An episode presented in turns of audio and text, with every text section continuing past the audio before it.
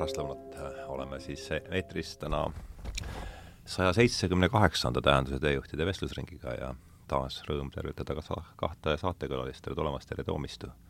tere! tere tulemast, Herbert Murd! tere, tere! Herbert esimest korda, Terje teist korda mm. -hmm. esim-, ma ei mäleta, mis see number võis olla, aga see ei, oli, kas oli selle sügisel järsku veel või? me olime juunis. juuni, ah juunis jah, ja siis oli meil Aro Velmet, eks ole yeah., ja rääkisime psühhedeelikumidest.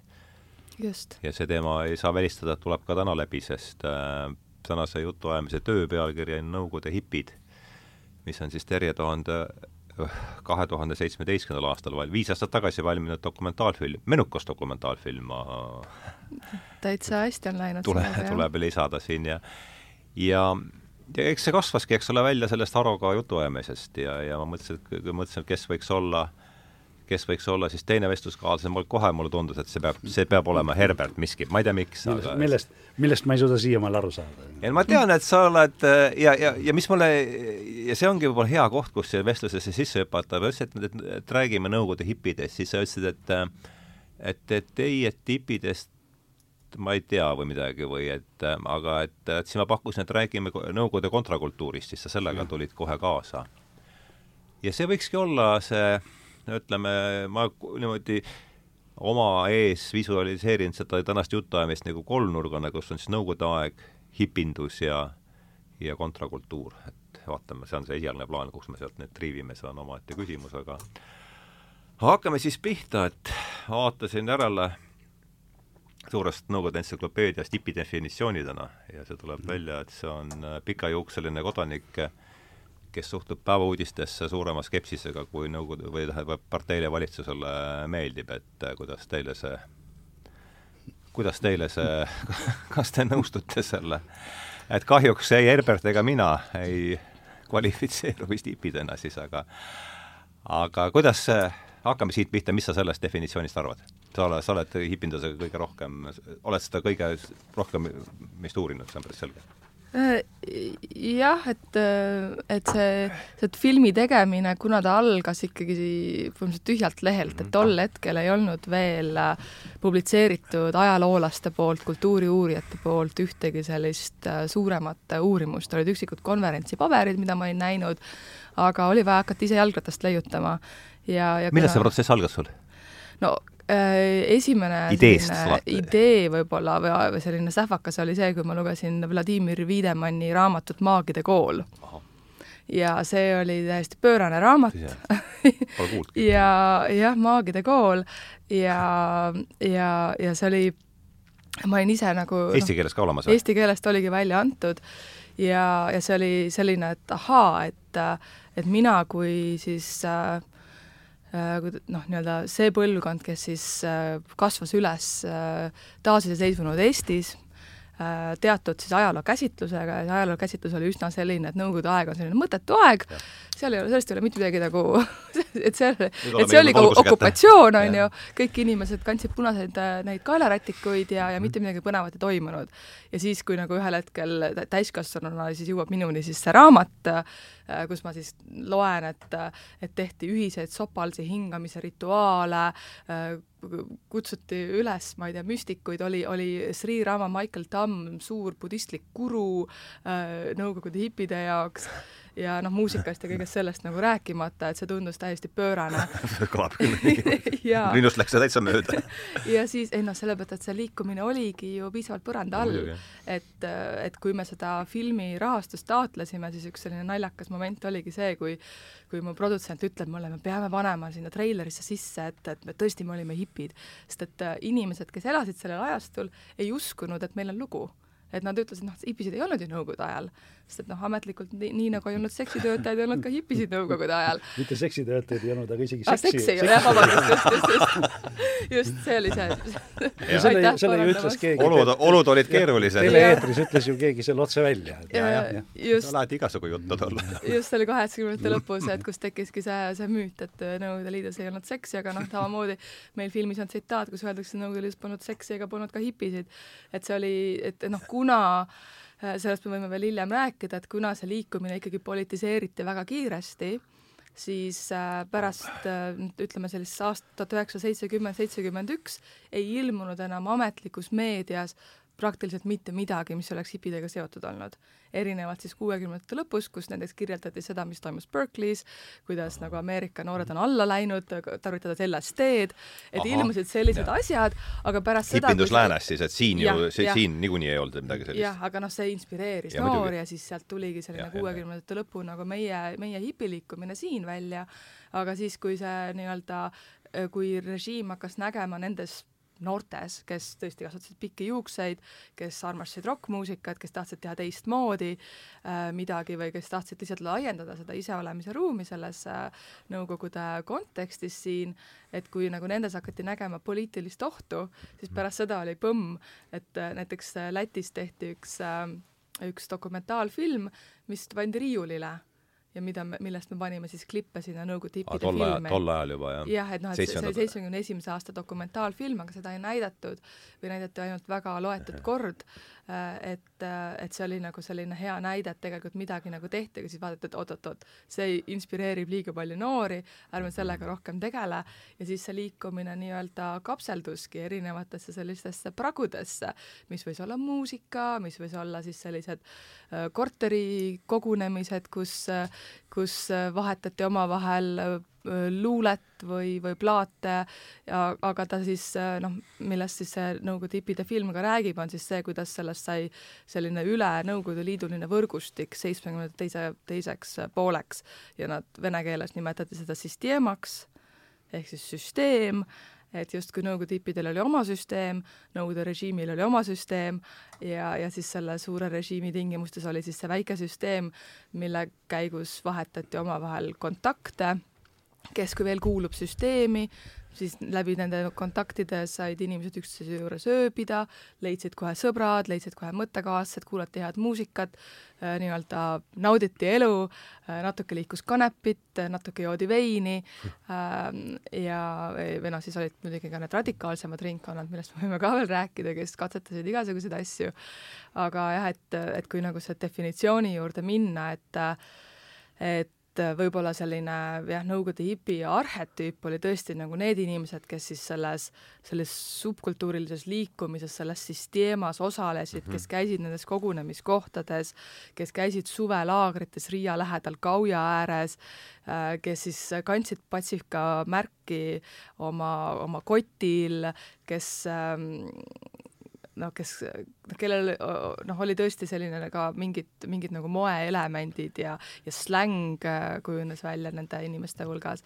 aga teiselt poolt oli see hipiliikumine ka väga palju laiem nähtus, mida saakski nagu seostada selle kontrakultuurilisusega. Mhm, ja noh, eriti Eestis, kus äh, hästi paljud inimesed, kes veel kuuekümnendate lõpus olid selle hipiliikumisega seotud, aga ühel hetkel said aru, et äh, see on võib-olla liiga ohtlik nagu täiesti, et, et ühesõnaga see liikumine nagu suruti liiga põranda alla paljude Eesti intellektuaalide jaoks mm, -hmm. kes siis hiljem nagu leidsid oma nagu tee näiteks kuskil heliloomingus või kunstis mm -hmm. või animatsioonis mm -hmm. või, või kirjanduses, kes olid nagu mõjutatud sellest liikumisest, kes võib-olla mingil perioodil seostasid ennast päris tugevalt sellega, aga kes siis seitsmekümnendate jooksul nii-öelda noh, ei osalenud selles siis teemas, aga nad näiteks äh, tegid muusikat, käisid muusikafestivalidel, esinesid või, või siis äh, töötasid äh, töötasid selles äh, katlas ja, ja kogunesid või lugesid seal siis keelatud kirjandust.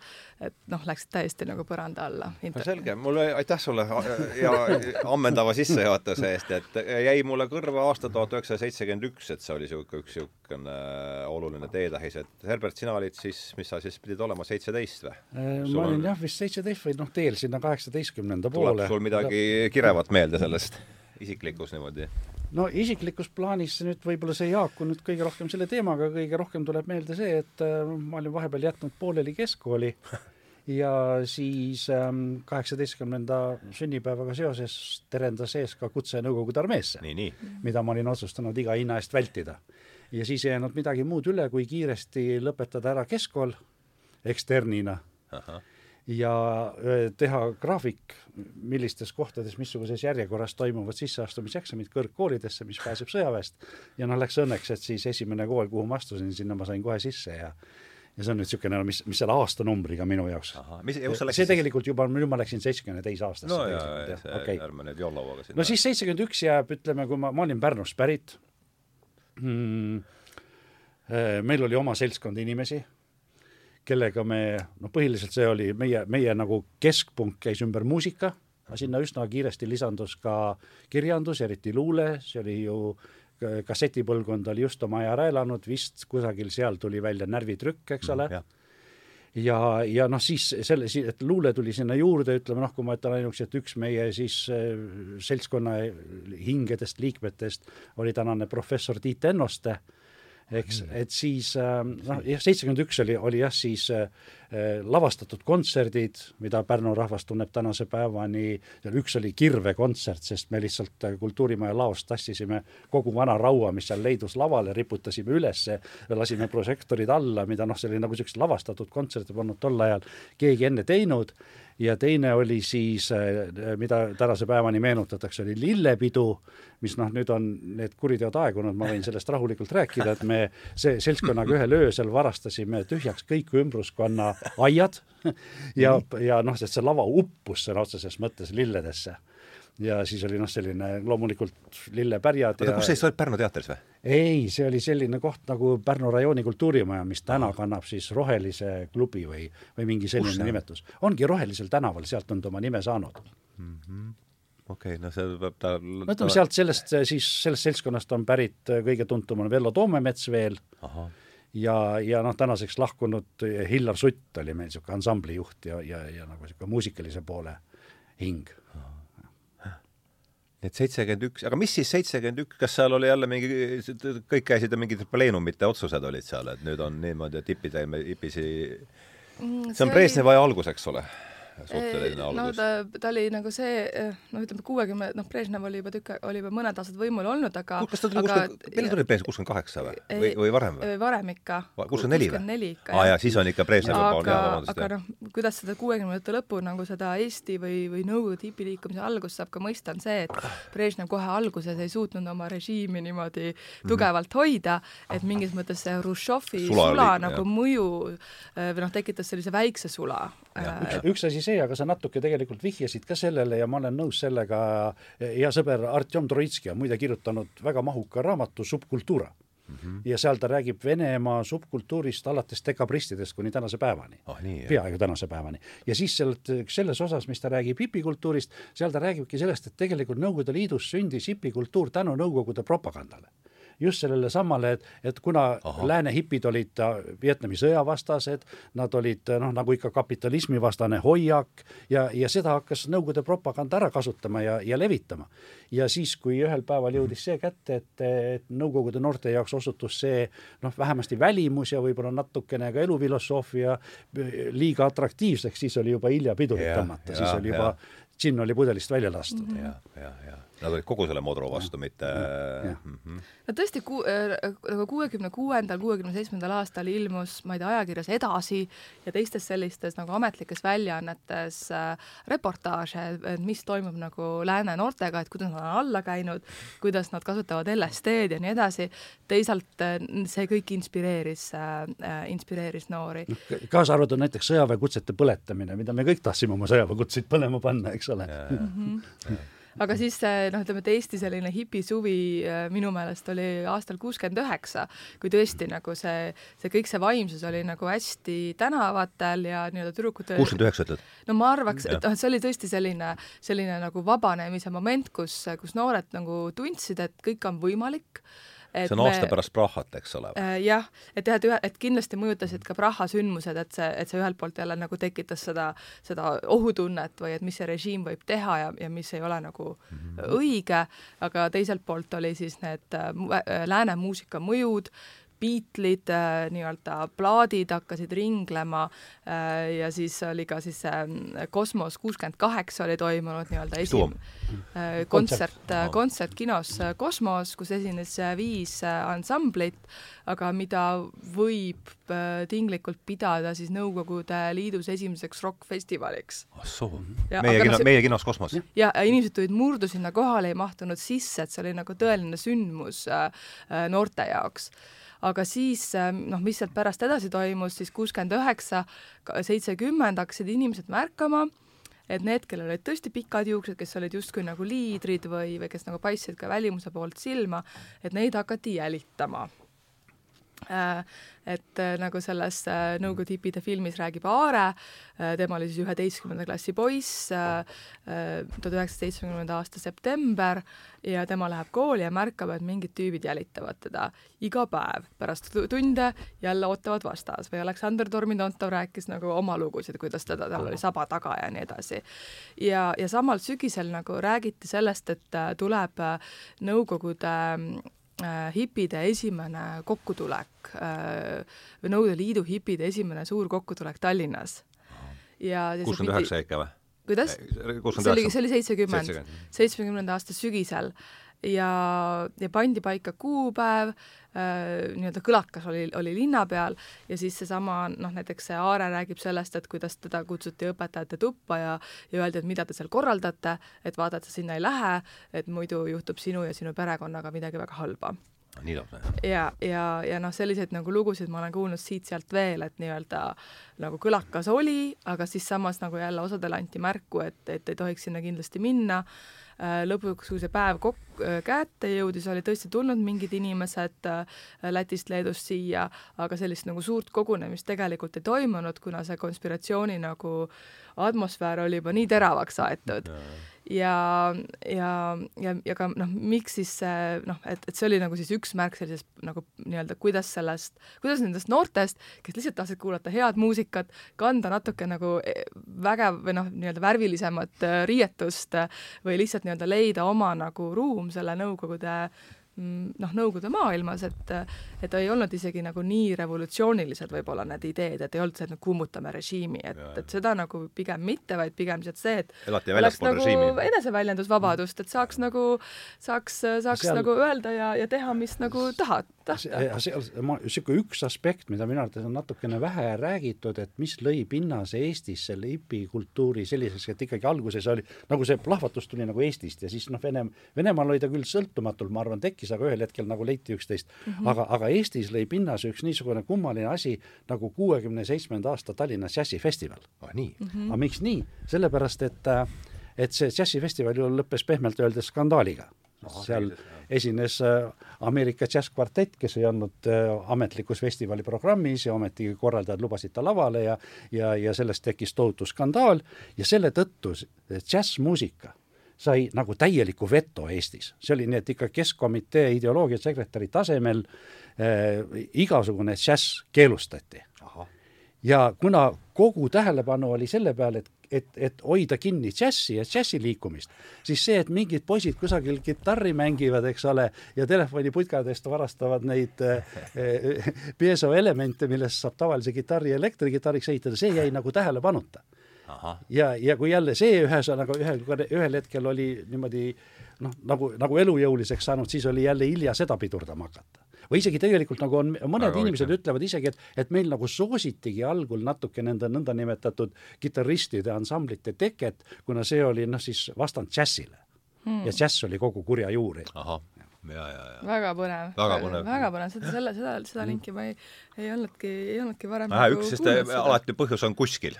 Et kui selle põhjenduse käeks kätte, siis on ju režiim, režiim päästetud. aga ma ei tea, kas sa oled minuga nõus või mitte, et mina seda, seda siis teemat, mina käsitlen alati natukene äh, natukene teistmoodi või õigemini ma toetun ka jälle sõbrale Artjom Troitskile selles asjas, et siis teema oli ikkagi natukene nagu kitsam ring pühendunumatest inimestest. ja selle ümber tegelikult see, see, see mass oli, oli kõik see, mis oli seal ümber, ütleme noh, võime neid vannapiideks nimetada või kuidas tahes mm, -hmm. eks ole, aga, aga et siis teema oli jah, natuke, ta, ta, teda ei saa nimetada, et oli päris suletud, aga, aga, aga, aga ta siiski oli noh. ja ma, ma olen nõus sellega, et siis teema mingis mõttes olid nagu, need need on need radikaalsed drop-out'id et nad olid tõesti need, kes elasid siis süsteemiväliselt ja, ja nad elatusid hääle, korjates piimapudeleid, hääletades ringi, polnud neil tööd ja nii edasi, et, et, et, et, et et kuivõrd äh, nad nagu said aru, et see olla hipi sellises vormis on niivõrd riskantne, see tähendas sellist eksistentsiaalset sammu nagu paljude Mhm. jaoks, et okei okay,, et kui ma nüüd olen seda, siis ma olen nagu tõesti nagu väljaspool, ma pean arvestama sellega, et kui ma teen vales kohas suitsu, võidakse mind kinni võtta, aga see on okei okay,, et, et, et aga, aga tõesti, et äh, on räägitud ka nii-öelda hipid ja hipitsejad, aga ma noh, ise ütleksin tõesti, et see, et see liikumine oli selline nagu mitmekihiline ja mm, -hmm. ja, ja nagu erinevates vormides, et, et kes nüüd on hipis ja samas see definitsiooni küsimus ongi nagu keeruline ja küsimus, et siin ei ole nagu õiget vastust et, et olid kindlasti need, kes tõesti identifitseerisid ennast hipidena ja olid need, kes olid mõjutatud sellest liikumisest läänes mm -hmm. ja võib-olla nii-öelda olid siis nagu kontrakultuuris või kasvasid ka natuke pikemaid juuksed, aga nad ei, noh, see ei tähendanud, et neil, et, nad ei käinud ülikoolis või neil ei olnud nagu töökohta no,. võib-olla see ongi nüüd koht, kuidas edasi minna, et kui nüüd ürista, üritaks natuke seda laiemat territooriumi kaardistada, et hipiliikumine on, eks ole, osa äh, suuremast äh, kontrakultuurilisest sellisest mm -hmm. äh, territooriumist, et mis siis, see käis juba natuke läbi, eks, et seal otsad heliloojad, eks, kes olid kuidagi hipiliikumisest mõjutatud, aga nendele tundus olevat liiga siis kas ohtlik. et võib-olla, Herbert, kas hakkame siit, siin praegu sinust pihta, et kas sa anna, suudaksid anda mingi sellise, no hipiliikumine on üks, veel kord, mulle tundub element kontrakultuurist, et mis see laiem pilt seal peale, peale hipide veel oli ja ja kuidas sina sinna üldse sellesse? Sest ma saan aru, et tuhat üheksasada seitsekümmend üks enam suure Aktuaalse Kaamera jälgija ei olnud või? Ei olnud, esiteks. teiseks ikkagi mina, mina ei identifitseerinud ennast ei siis ega ka täna hipina. jah, ma sellest saan aru, jah. jah, näiteks selle jälle veel kord juba mitu korda nimetatud Artjom Troitski, tema, tema ütleb, et tema ikkagi läks sellega kaasa ja tema mingi osa oma elust oli hipi, et mina, mina seda ei olnud. aga jah, ma noh, nii need nimed, keda siin Terje on täna nimetanud, kui noh, paljud teised, me nendega suhtlesime, käisime läbi, ma olin nagu kursis, ma teadsin, mis nad teevad, aga aga minu jaoks jäi nagu üks asi jäi natukene no ma ei öelda arusaamatuks või, või, või tähendab, minu arusaamist mööda läänes hipi liikumine oli tugevalt ideoloogiline mm. -hmm. mina väidan, et Nõukogude Liidus ta seda ei olnud. et ma ei tea, kas sina oled kohanud ühtegi Nõukogude hipit, kes Marcuset luges? olen. oled, väga tore, mina ei ole, eks et, et noh, seda, mida lääne hipid kõik sel ajal lugesid, eks ole. et, et, et minu, minu arust meil oli ta ikkagi rohkem niisugune vormiline, väline ja noh, protest ühiskonna vastu ja, ja selle tõttu ma, ma ei, olen ennast noh, nagu ma ütlen, mina sinna ei kuulunud, aga ma suhtlesin nende inimestega, käisin läbi. ja selle tõttu ma liiga palju ei, ei oska kaasa rääkida mm. -hmm aga räägi siis sellest laiemast, kuidas sa, kuidas sina ennast tollel ajal, hipina sa ennast ei, ei defineerinud? Ja noh, ei tähenda, et see on, oleks pidanud ennast tingimata määra, aga noh, kuidagi sa ikkagi mingisse gruppi ju tundsid ennast kuuluvat, et, et mis see sinu grupp oli ja kuidas see, kuidas see selle no nendest varasematest Pärnu aegadest me natukene rääkisime sellest me natuke rääkisime ja see tegelikult, kui keegi tahab, ta võib võtta, otsida üles Tiit Ennast, tal on hästi kirjutatud artikkel Kiri kodukandist, kus ta siis meenutab natuke neid aegu. Aga siis sellele järgnes see periood, kui ma tulin Tallinnasse ja astusin lavakasse ja Aha. siis see oligi, noh, siis ikka läks kaks aastat lavakatähe all. siis me oleme kusagil aastast tuhat üheksasada seitsekümmend, seitsekümmend kaks kuni neli, eks ole. ja, ja ja sellele järgnes omakorda see periood siis noh, mida võib nimetada nii-öelda kiriklikuks perioodiks ja vot siit tegelikult Aha, jõuame kiriku, selle hipikultuuri, teil olid tegelikult mm -hmm. üsna tihedad sidemed erinevate kirikutega ja, ja noh, tegelikult üldse siit jõuab see räägime, oli metodisti kirik sul siis? No mina küll, aga see oli, seal ei olnud nagu väga palju vahet, me mm -hmm. suhtlesime kõik omavahel. et näiteks minu arvates omandas ta Venemaal veel erilise, eriliselt huvitava nähtuse, et Venemaal ju sisuliselt tekkis õigeusu kiriku, põrandaalune õigeusu kirik ah nii? noh, see ei olnud ametlik, aga ta oli ikkagi ametliku õigeusu kirikuga tugevas opositsioonis, seal selline mees nagu Dmitri Tutko oli. Dmitri Tutko? jah. ja, ja, ja, ja, ja tema oli hipi liikumisega väga tihedalt seotud. ja noh, siis teine, teine mees, kes kohe praegu meelde tuleb, on siis äh, mm, Pjotor Mamonov äh,, noh, ma ei tea, muusik, näitleja, munk et aga, aga, aga, ja aga meil siin Eestis noh, ikkagi ilmselt see oli kõik see seltskond, kes koondus sellise mehe ümber, kelle nimi oli Jüri Pärg. kui keegi seda nime ja. kuulnud on ja teab, eks ole. ta oli Viidinguga, eks ole. nojah, jah, see kõik ja aga ütleme, Jüri Pärg või noh, Pärja Jürka, nagu teda nimetati, tema oli, tema oli siis see mees, kes tegelikult kõige aktiivsemalt korraldas näiteks lääne muusika, sellise sisulisema lääne muusika tekstide tõlkimist ja, ja siis eh, selle järel hakkasin mina korraldama mis aasta mees tema oli?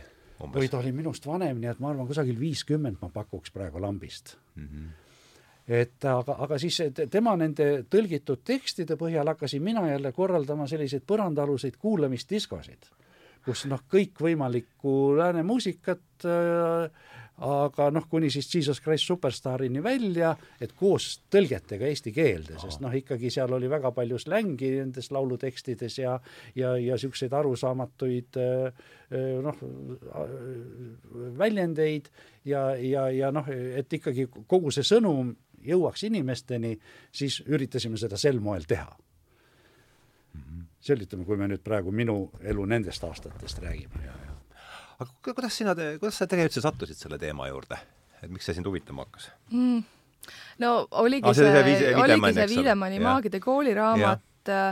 ja ma olin äh, teinud äh, just ka oma esimese dokumentaalfilmi Indoneesias, äh, mille ma tegin koos kunstnik Kivaga ja temaga koos me hakkasimegi, et et, et aga et võiks teha nagu Eestis, me vist olime, elasime Indoneesias, filmisime seda, seda teist filmi ja me kohtasime seal selliseid seitsmekümnendate põlvkonna Aha, äh, outsider eid ja, ja, ja, ja, ja siis tundus, et aga Eestis on ju ka sellised inimesed, et, et see oleks nagu selline nii-öelda alternatiivne ajalugu mm. -hmm. ja kuna ma olen ise oma magistritöö kirjutanud mälu-uuringutest, siis mind ka huvitas väga see, et kuidas me üldse mõistame Nõukogude aega, mida me nagu räägime sellest, milliseid lugusid me räägime sellest. ja siis äh, hakkas nagu vaikselt vaikselt äh, nii-öelda uurimustööst siis pihta ja ja ühel hetkel siis nagu, kui ma noh, ka seda uurimustööd tehes sain aru, et see liikumine oli ikkagi üle Nõukogude Liidu ja ta kestis sisuliselt Nõukogude Liidu lagunemiseni ja, ja et kuidas olid nagu sidemed siis erinevate riikide noorte vahel, et kuidas ta muutus selliseks rahvusüleseks või et käidi üksteisel külas ja, ja kohtuti kuskil suvelaagrites ja ja käidi Moskvas aeg-ajalt ja siis noh, et see tundus kõik nagu ikkagi noh, selline subkultuuriline nagu ajalugu, millest noh, ei olnud tol hetkel midagi kirjutatud. ja, ja tundus, et sellest tuleb, tuleb teha film ja enne, kui me filmi juurde jõudsime, siis me tegime Eesti Rahva Muuseumis näituse aastal kaks tuhat kolmteist ja siis me ka vestlesime sinuga sel teemal ja siis sealt edasi see näitus näitus oli siis äh,? oligi Nõukogude, oligi Nõukogude lillelapsed oli see pealkiri. see oli siis puhtalt äh, Eestis tehtud intervjuude põhjal äh,, keda me olime siis Eestis intervjueerinud, kes olid siis kas SIP-id või kontrakultuuri liikumises nagu laiemalt kontrakultuuri liikumisega laiemalt seotud, et näiteks Ave Alavainu oli seal meil ka intervjueeritav ja nii edasi ja siis äh, ja siis seejärel see näitus liikus veel mitmesse riiki, kas viite riiki või, et ta oli ka jah, Londonis ja Saksamaal ja Kanadas ja Rootsis oli kahes muuseumis. Ja, ja siis selle käigus siis ma ka töötasin, noh siis oli, siis pärast seda näitust ma üldse sain hakata filmi stsenaariumit kirjutama. Mm, -hmm. et oli no, nagu oli piisavalt jah. nagu teadmist selles kõiges.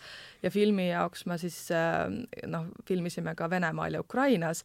Ja selle filmi tegemise käigus tegelikult algas Vene-Ukraina sõda noh, see esimene konflikt ju oli tegelikult seal kaks tuhat viisteist, et siis ka nagu see raamistas kuidagi seda, seda, seda filmilugu noh, niimoodi õrnalt taustal, et, et kuidas äh, hipid ikkagi olemuselt on ju peace, love ja rock n roll, et, et sõjavastased, aga siis ühel hetkel noh, tõesti oli märgata ka Venemaa äh, hipide hulgas inimesi, kes toetasid Putinit äh, tol hetkel ja ja kes siis nagu ei olnud nii-öelda nii selgelt sõjavastased, et see oli selline huvitav pingekoht ka selle filmi tegemise käigus või, või mis on ka nüüd seda filmi aktuaalsust taas tõstnud mm. -hmm no see on nüüd kujunenud juba välja niimoodi puht niisugune teoreetiline ja, või siis ütleme, kaugelt vaatav ja, ja niisugune puht asja sees olnud niisugune kaks paralleelset liini jooksevad ma jätkuvalt siin, ütlen, ma ei olnud asja sees. ei, ma mõtlen selles mõttes, sa elasid ju sel ajal, et ma, ma, ma ei räägi, ma, ma ei räägi hipid, ja, ja, ei, selles, sellest, sellest ma sain aru, et aga nüüd sinuga me oleme jõudnud siis seitsmekümne neljandasse aastasse, sa oled Äh, selja taga on särav karjäär, särav karjäär juba Pärnu teatrimaastikul. Ja nüüd oled sa siis lavakunstis, et ei, ei seal... noh, ei teatrist midagi ja ega lavakunstiga teed kes te, kes te, kes teil juhendaja oli üldse tollal? Panso, me olime Panso viimane kursus, jah. ah ja. aga nagu ma ütlesin, minul jäi see aeg lühikeseks, mina sain, mina läbisin oma kursuse kahe aastaga.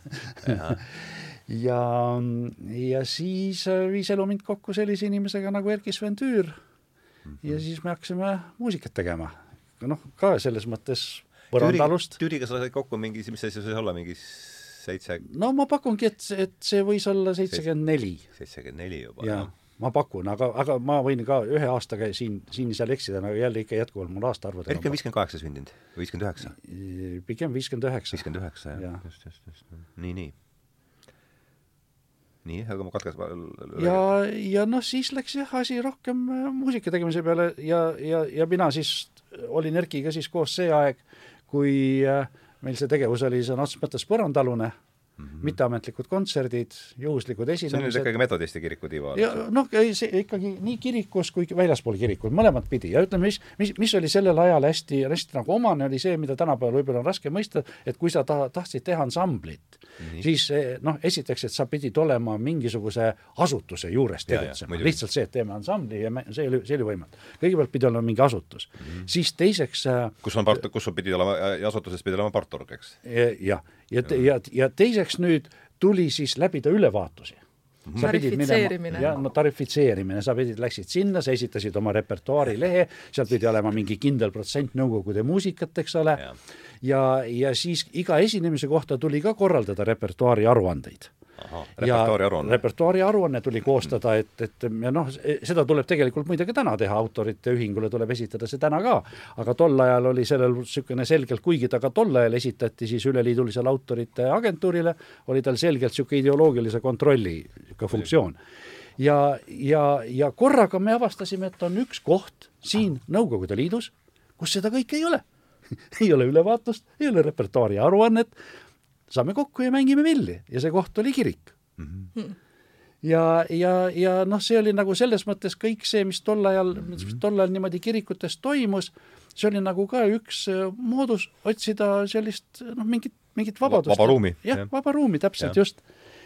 vaba ja, vett ja, ja noh, siis sellele, sellega kaasnes igasugune niisugune sammistati tegevus, alguses nendesamade tõlgitud laulutekstide paljundamine, hiljem juba igasuguse muu kirjanduse paljundamine ja levitamine, lõpuks ka, ka ise lausa originaal selliste asjade kirjutamine ja, ja väljaandmine, ütleme siin noh, see on teema, millest oskaks võib-olla äh, Tarmo Soomer hästi palju rääkida.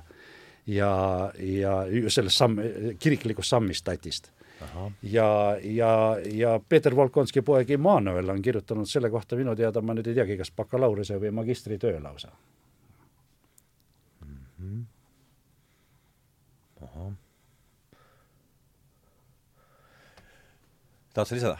ei, ma nagu jah, ma, ma, sa pead must välja pressima. ja, ja, aga võtame Terjemäe vahepeal, kuidas, kuidas sulle jäi nüüd, kui sa asjaga tegelesid, just hipiliikumise ja kiriku suhte tundus, jäi praegu kõrva, et oskad sa siin midagi niimoodi mm.? ma võtaks korraks veel kaks sammu tagasi, et kui me rääkisime sellest aastast seitsekümmend üks, äh, et kui see liikumine nii-öelda muutus äh, või noh, seda hakati käsitlema poliitilise probleemina, et selle üks oluline sündmus jäi vahele, mis toimus Moskvas esimesel juunil tuhat üheksasada seitsekümmend kakskümmend üks.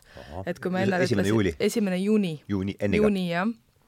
et, et kui siis sügisel seitsekümmend üritati teha Tal-, Tar-, Tallinnas äh, üleliidulist hipide kokkutulekut või vähemalt selline kuulujutt levis, siis ähm, äh, esimesel juunil tuhat üheksasada seitsekümmend tõepoolest Moskva hipid otsustasid, nad teevad suure seitsekümmend üks? seitsekümmend üks, jah. Äh, nad, et nad teevad suure demonstratsiooni ja protestivad Vietnami sõja vastu ja nad tegid selle isegi ametlikult, äh, registreerisid selle sündmuse, et seal oli üks selline liidrikuju, kelle, kelle hüüdnimi oli Sontse ehk siis päikseke. Äh,, Jura Burakov oli ta nimi ja tema nagu siis äh, noh, ta oli tõesti kuidagi liidritüüp, et kõik teadsid teda, äh, et ta oli selline hästi ekstsentriline ja ja väidetavalt oli tal palju nii alkoholi kui naisi ümberringi aga see selleks, aga igatahes tema oli nagu leidnud, et nüüd on see moment, kus äh, Nõukogude hipid võiksid ka näidata sotsiaalset aktiivsust ütle üles. see nimi palun veel poleks. Äh, ta oli Sontse ja, ja Jura Burakov oli ta siis äh, passinimi et, et Nõukogude hipid võiksid ka näidata ennast justkui sotsiaalselt aktiivsete kodanikena ja protestida siis millegi vastu, mis ju oli Nõukogude äh, režiimi ideoloogiaga vägagi kooskõlas. -hmm. et seal äh, KGB ja, andis hagu alla, ma ei, jah, ja siis ta oli saanud äh, selleks siis loa äh, kas Kultuuriministeeriumis, kui ma ei eksi. et see oli justkui nagu ametlik äh, protest, kutsuti siis hästi palju inimesi äh, kokku, põhiliselt olid siis tudengid äh,, noored äh,, noh, kõik, kes olid sellest lainest nagu mõjutatud. Ja tehti siis äh, postrid kaasa, et et make love no not war ja, ja noh, et Vietnami sõja vastu ja noh, sellised, et nagu tehtigi demonstratsioon, mis algas siis Moskva äh, ülikooli juurest, mis oli kohe selle Kremli vastas, see vana Moskva ülikooli äh, hoone. Ja sealt nad pidid liikuma Ameerika saatkonna juurde rongkäiguga.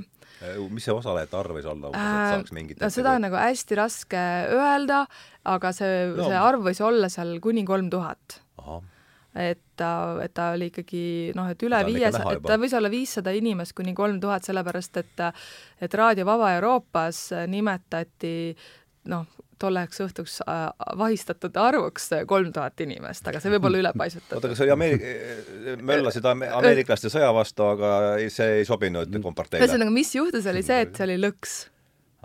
Et äh, need noored tulid sinna kokku oma postritega ja, ja kui nad kogunesid siis selles Moskva ülikooli õue peal, äh, noh, selle Moskva ülikooli maja taga, et siis äh, järsku ilmusid nagu kõikidesse nagu väravatesse bussid, nagu vanad koolibussid ja siis need inim- ja siis tulidki välja, et stopp, et KGB on siin ja, ja et me nüüd arreteerime teid kõiki. ja nad kõik siis viidi bussidega ära erinevatesse jaat-, jaoskondadesse, linna peal toimus veel äh, erinevaid pikajuukseliste vahistamisi tolle päeva jooksul. Ja noh, üksikud said põgenema, et, et ma olen nagu rääkinud inimestega, kes siis te-, teadsid mingit äh, kuskilt taga, taga väljapääsu, jooksid ära, hüppasid kiiresti liinibussi peale ja ja nad noh, nägid pealt, kuidas nagu inimesi busside kaupa viidi ära. Ja siis äh, noh, järgmisel päeval või, või samal õhtul siis see Raadio Vaba Euroopa oli siis nagu raporteerinud, et et vahistati kolm tuhat inimest, noh, ma täpselt ei tea, kas, kas see arv võis olla nii hull, no see oli organiseeritud vastulöök liikumisele siis? see oligi nagu lõks, lõks üles, lõks üles seatud äh, äh KGB poolt. et see oli nagu võimalus saada kõik see nii-öelda ebasoodne element ühiskonnas need potentsiaalselt ohtlikud pikajuukselised kõik korraga kätte. ja noh, mida, mis siis tehti, oli see, et kõikide isikuandmed, äh, aadressid, nimed pandi kirja ja seejärel, no nad lasti muidugi vabaks, nad olid tihti alaealised, et võib-olla üks öö nad istusid seal kartsas, aga, aga siis nagu hiljem hakati käima nende inimeste kodudes mm., räägiti nende vanematega äh,, räägiti nende ülikoolidega ja nii-öelda pandi nagu inimene selle valiku ette, et kui nüüd äh, sa jätkad, siis läheb nii, äkki on parem, kui sa ei jätka selle jamaga. õpi parem luksepaks. jah, ja siis, äh, ja siis paljudele noormeestele tuli siis kutse sõjaväkke üsna kiiresti pärast seda, et, et on noh, internetiblogis on nagu hästi vaimukas selline memuaar kelleltki, kes siis oli selles lennukis ja siis ta vaatas ringi, et pooled inimesed selles lennukis, kes sinna Hiina piiri äärde sõjaväkke viidi, olid osalenud sellel demonstratsioonil. et noh, nii-öelda selline nagu vaiksed repressioonid see on siis esimene juuni tuhat üheksasada, seda ma otsisin, et seal pidi ja. olema mingi see signaal, sümbolsündmus. et, et noh, et see oli nagu see sündmus, mis tõesti kuidagi märgiliselt võttis kokku selle, et, et, et režiim andis märku, et need inimesed ei ole nende jaoks soositud. ja, ja, ja, natuke aega varem, enne seda, noh, et hästi raske on nagu leida üldse mingit tõendit, et kuidas nagu Eestis toimetati sellega. aga üks, üks allikas õnnestus siiski leida Eesti Rahvusarhiivist, mis oli siis Aare Purga poolt kirjutatud raport, kes oli tol hetkel, kui ma, kui ma ei eksi, komsomoli esimees ja ta saatis siis LKN kirja kuidas? LKN-ü või? Äh, jah, Eesti, see koms-, komsomoli jah, see Eesti Leninlik komsonist. just, et ta saatis kirja, ta saatis kirja äh, Moskvasse, kus ta siis raporteeris seda, et meil siin Tallinnas on viimasel ajal tänavatele tekkinud väga palju pikajuukselisi, äh, kes on siis mõjutatud lääne lodevast noortekultuurist ja, ja me hakkame koostama mingisugust kataloogi, et nendest noortest saada selge ülevaade. Mm. -hmm ja, ja siis seal oli veel raportis kirjutatud, et need on kindlasti nagu madalama haridusega ja ja nii-öelda nagu kehvemalt sotsialiseeritud noored, mis tegelikult ei olnud tõsi, sest esimese laine hipid olid, olid just vastupidi, pigem nagu haritud perekondadest äh,, hea või ütleme, niisuguse jõulise positsiooniga vanemate perekondadest, näiteks needsamad, kes olid kuskil parteiladvikus, kel, kellel oli võimalus siis äh, osta või saada või näiteks välismaa plaate et see esimese põlvkonna hipid olid siiski ikkagi võrdlemisi nagu sellistest kas siis haritud või siis võimsatest perekondadest, et erinevalt siis nagu hilisemast, kus võisid olla tõesti ka nii-öelda töölisperekondades pärit noored, kes siis selle asjaga ja, liitusid. ja kui nendest repressioonidest veel rääkida, siis tegelikult, siis oligi äh, ikkagi ju Nõukogude süsteem oli juba seal ammu varem, vähem Bukovski aegadest või varem veel, avastanud ühe väga niisuguse veenva eh, represseerimismeetodi, see oli psühhiaatriahaigla. sa räägid et, nüüd sellest ja, ja puhub tuul Bukovskist, jah? nojah ja, ja ja, ja, ja sedasama siis rakendati ikkagi väga edukalt äh, ka kõikide nende Sistema inimeste puhul et äh, sa ei pannud inimest vangi, sa panid ta psühhiaatriahaiglasse, ta sai sellise pitsati, et tal isegi autojuhilubade saamine muutus keeruliseks, rääkimata igasugustest muudest töökohtadest. Ja, ja ütleme siin, kui oli siin, sa nimetasid seda komsomoli, siis ütleme, et eh, noh, need ei olnud nagu päris ühed asjad, aga nad olid omavahel väga tihedalt seotud, et seesamane noorteansamblite, selline liikumine ja SIP-i liikumine, aga noorteansamblite liikumise suutis Komsomol väga ilusti oma käpa alla võtta mm, -hmm. oma kontrolli alla võtta. et ta nagu andis neile mingisuguse vabaduse, noored ja muusikud leidsid, et see annab neile võimaluse tegutseda ja oma asja ajada ja samal ajal Komsomol suutis seda asja noh, ikkagi mingil moel kontrollida, et kes keda seal nüüd päris täpselt üle kavaldas.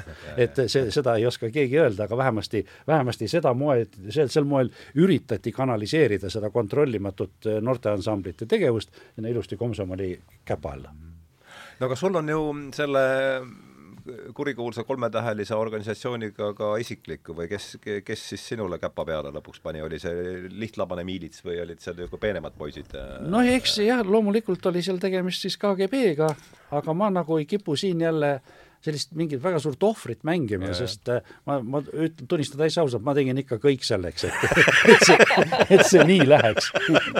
et, et kui ma siin enne heitsin natukene nagu sellele, selle Nõukogude hipiliikumisele ette sellist lihtsalt äh, sellist noh, ideoloogia puudumist, siis see oli põhjuseks, miks minu tegevus, äh, nii kui seal niisugune noh, see muusikaline tegevus natuke tahaplaanile hakkas jääma, siis tegelikult ma leidsin, et on olemas üks seltskond, kellel on, kellel on olemas kõik need hoovad, millest ma nii suurt puudust tundsin, ma mõtlen siis äh, kontaktid lääne meediaga, kontaktid äh, äh, inimõigusorganisatsioonidega, rahvusvahelistega ja noh, neid üldiselt, seda seltskonda siis tuntakse dissidentide nime all, eks. Aga minu, see, mis mind konflikti viis, see oli ka jälle ikkagi tegelikult ma konflikti läksin muusika pärast. noh, tõsi küll, selle muusikaga koos käisid mingid asjad, tähendab, ma siis äh, korraldasin äh, kaks-kolm põrandaalust kontsertreisi üle Nõukogude Liidu ühele Ameerika ansamblile. Ja selle, see tipp lõppes siis sellega, et me andsime kaks kontserti äh, Moskvas äh, Pravda kultuuripalees. All. öösel, jah, mitteametlik, tähendab, mitteametlik tegevus Venemaal, noh, nii, seal ka nii, noh, hipide hulgas kui siis, kui siis just muusikute hulgas, see oli täiesti tavaline asi see oli, see oli nii, nii ja. normaalne asi, niisugune osaliselt põrandaalune, osaliselt poolametlik, näiteks ma olen käinud äh,, ma olen käinud Moskvas ühes korteris, mis tegelikult oli plaadipood terve suur, ma ei tea, kas nelja või viietoaline korter oli muudetud plaadipoeks. Ja, ja, ja. seal olid kõikvõimalikud plaadid olid saada, tõsi, nad maksid nii palju, et mina neid seal ühtegi osta ei jõudnud. aga nad olemas? aga nad olid olemas. ja seda poodi juhtis selline mees nagu äh, nagu, nagu Stas Namin mm, -hmm. kelle vanaisa oli muide Mikko Jan, kes otseselt vastutas musta turu vastase võitluse eest. no tal oli, tal oli, tal oli, tal oli ekspertiisi. jah, jah samamoodi ma olen käinud selline mees nagu Sergei Gurjohin, kes pikka aega ju ei saanud ametlikult esineda. tema kontserdid olid põrandaalused, aga see oli, need olid suured, suured kontsertsaalid, kus need toimusid. noh, sest äh, Sergei Gurjohin on ikka erakordne nähtus Sergei minu arust, ta mitte ainult selle poolest, et temale kuulub teooria, et Lenin oli tegelikult seen, vaid, vaid ta on mingi Nõukogude, Nõukogude McKenna oma vaid, vaid et, et see, mida ta korraldas äh, laval kon, oma kontsertide ajal, noh, üks äärmus oli see, et ta pani ühele lavale kokku rokkansambli, džässansambli, keelpilli kvarteti, sõjaväekoori, pasunaorkestri ja, ja siis veel erinevad solistid ja kaheksakümmend protsenti sellest muusikast, mida mängiti, sündis koha peal. ta käis erinevatel seltskondadel, laulis midagi ette, need võtsid teema üles ja kõik sündis sealsamas. ja siis, et asi ei läheks rutiini, siis ta laenas loomaaiast paar looma ja lasi need lavale lahti, kes muusikuid ründasid. et, et, et, et sa, muusikud saaks tampidest lahti. no midagi niisugust ei ole tehtud enne ega ei ole tehtud pärast eks. ja, ja sellised kontserdid, mida ei olnud kusagil välja kuulutatud, kus müüdi mingeid selliseid pileteid, mis välimuse järgi olid vähemalt viis korda juba varem kasutusel olnud. Need kontserdid, noh, need, need olid tohutu rahvamass tuli sinna kokku ja, ja siis ühel kontserdil tuleb Kurjohhin lavale, laval ei ole midagi muud kui ainult klaver. Kõik mõtlevad, oo, see on mingi trikk jälle, kohe tulevad kuskilt pillid ja kohe hakkab kogu action peale, siis Kurjohhin istub klaveri taha ja ütleb, et täna ma loen teile ette libreto oma uuest ooperist, kuidas Beatid käisid allveelaevaga põrandaalustel olümpiamängudel Nõukogude Liidus loeb oma selle ooperi libreto ette, kummardab ja läheb ära ja saalitäis rahvast on kõik rahul, kõik plaksutavad, kõik on õnnelikud, eks.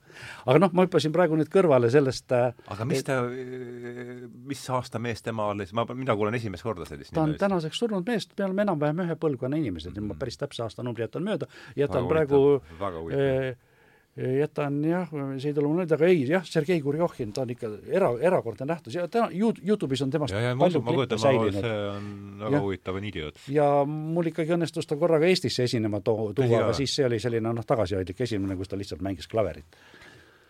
kus ta, kus sa ta panid siis mis...? oma festivalile, sinna Fiestale. aga kus kohas see ma isegi enam ei mäleta. ma, ma tõesti ei mäleta enam, kus, kus see oli sest algul pidi tulema terve ansambliga, Popmehaanika oli ta ansambli nimi. ta pidi tulema terve ansambliga, aga noh, siis ikkagi me ei suutnud loomaaiast neid loomi kätte saada, mida tal vaja oli. Mis ta nõudis? Aga, aga me enne seal vahepeal, nüüd ma hüppan nii väga ühelt teemalt teisele, et jõudsime jah, sinna nende põrandaaluste kontsertideni Moskvas, mida ma korraldasin ja seal siis jah, Ameerika gospel rock grupp ühest Oklahoma eraülikoolist enne seda me tegime nendega mingeid väiksemaid esinemisi si-, siin ja seal ja siis suur üleliiduline kontsertreis aastal seitsekümmend üheksa, vahetult sel ajal, kui Ameerika Ühendriigid olid kuulutanud boikoti Nõukogude Liidule ja, ja. ja nüüd leidusid head ameeriklased, kes nii-öelda seda boikotti ignoreerides tulid Nõukogude Liitu, mis tegelikult tähendas seda, et me jäime kahe müüri ja. vahele ja aga see kõik lõppes ikkagi sellega, et näiteks no Moskvas siis need kontserdid, ühel kontserdil oli meil siis soojendusesinejaks äh, Andrei Makarevitš oma wow. Mašina Vremeniga wow..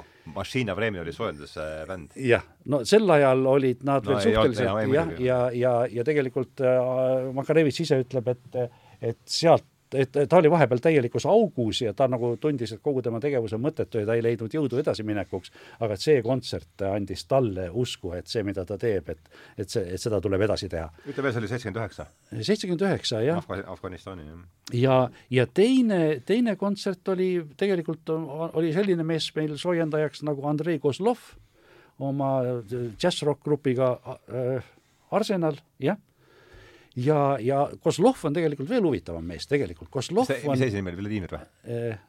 Andrei, Andrei., ma pakun praegu Andrei ja, ja ma, ma, ma võin kõiges eksida.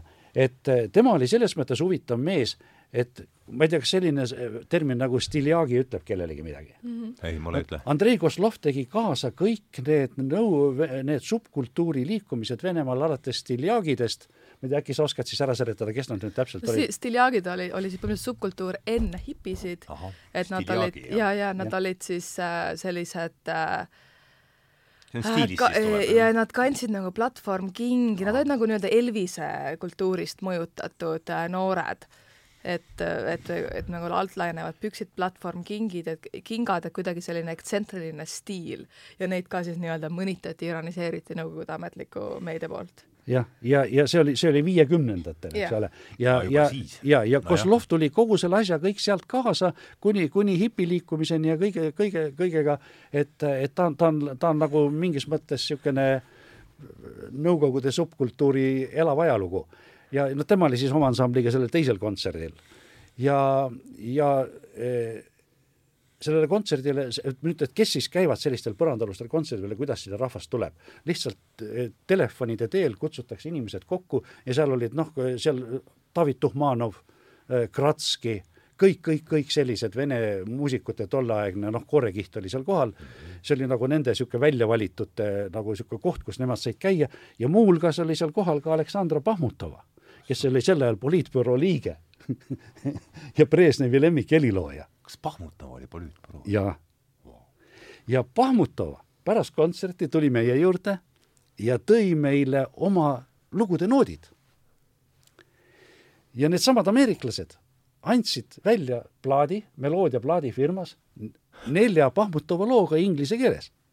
ja Pahmutova, olles Moskva olümpiamängude ametlik helilooja, kasutas seda muusikat Moskva olümpiamängude dokumentaalfilmis ja see kõik oli põrandaalune tegevus samal ajal. ja mina sain selle eest siis oma vanglakaristuse, eks ole. arreteerimishetke mäletad? Noh, kuna neid oli kaks, siis ma jah, selles mõttes arreteerimise hetke kui sellist ei olnud. ah tuli koju kutse, et palun ilmuda miilitsajaoskonda Mm -hmm. Läksin miilitsajaoskonda, küsiti, kas pass on kaasas, mul ei olnud passi kaasas ja siis tollal Nõukogude seadus lubas inimest kolmkümmend päeva kinni pidada isiku kindlaks tegemiseks. kolmkümmend päeva, jah jah, et äh, näiteks ilma kohtusanktsioonita võis kinni hoida, no niimoodi kinni pidada kolm päeva.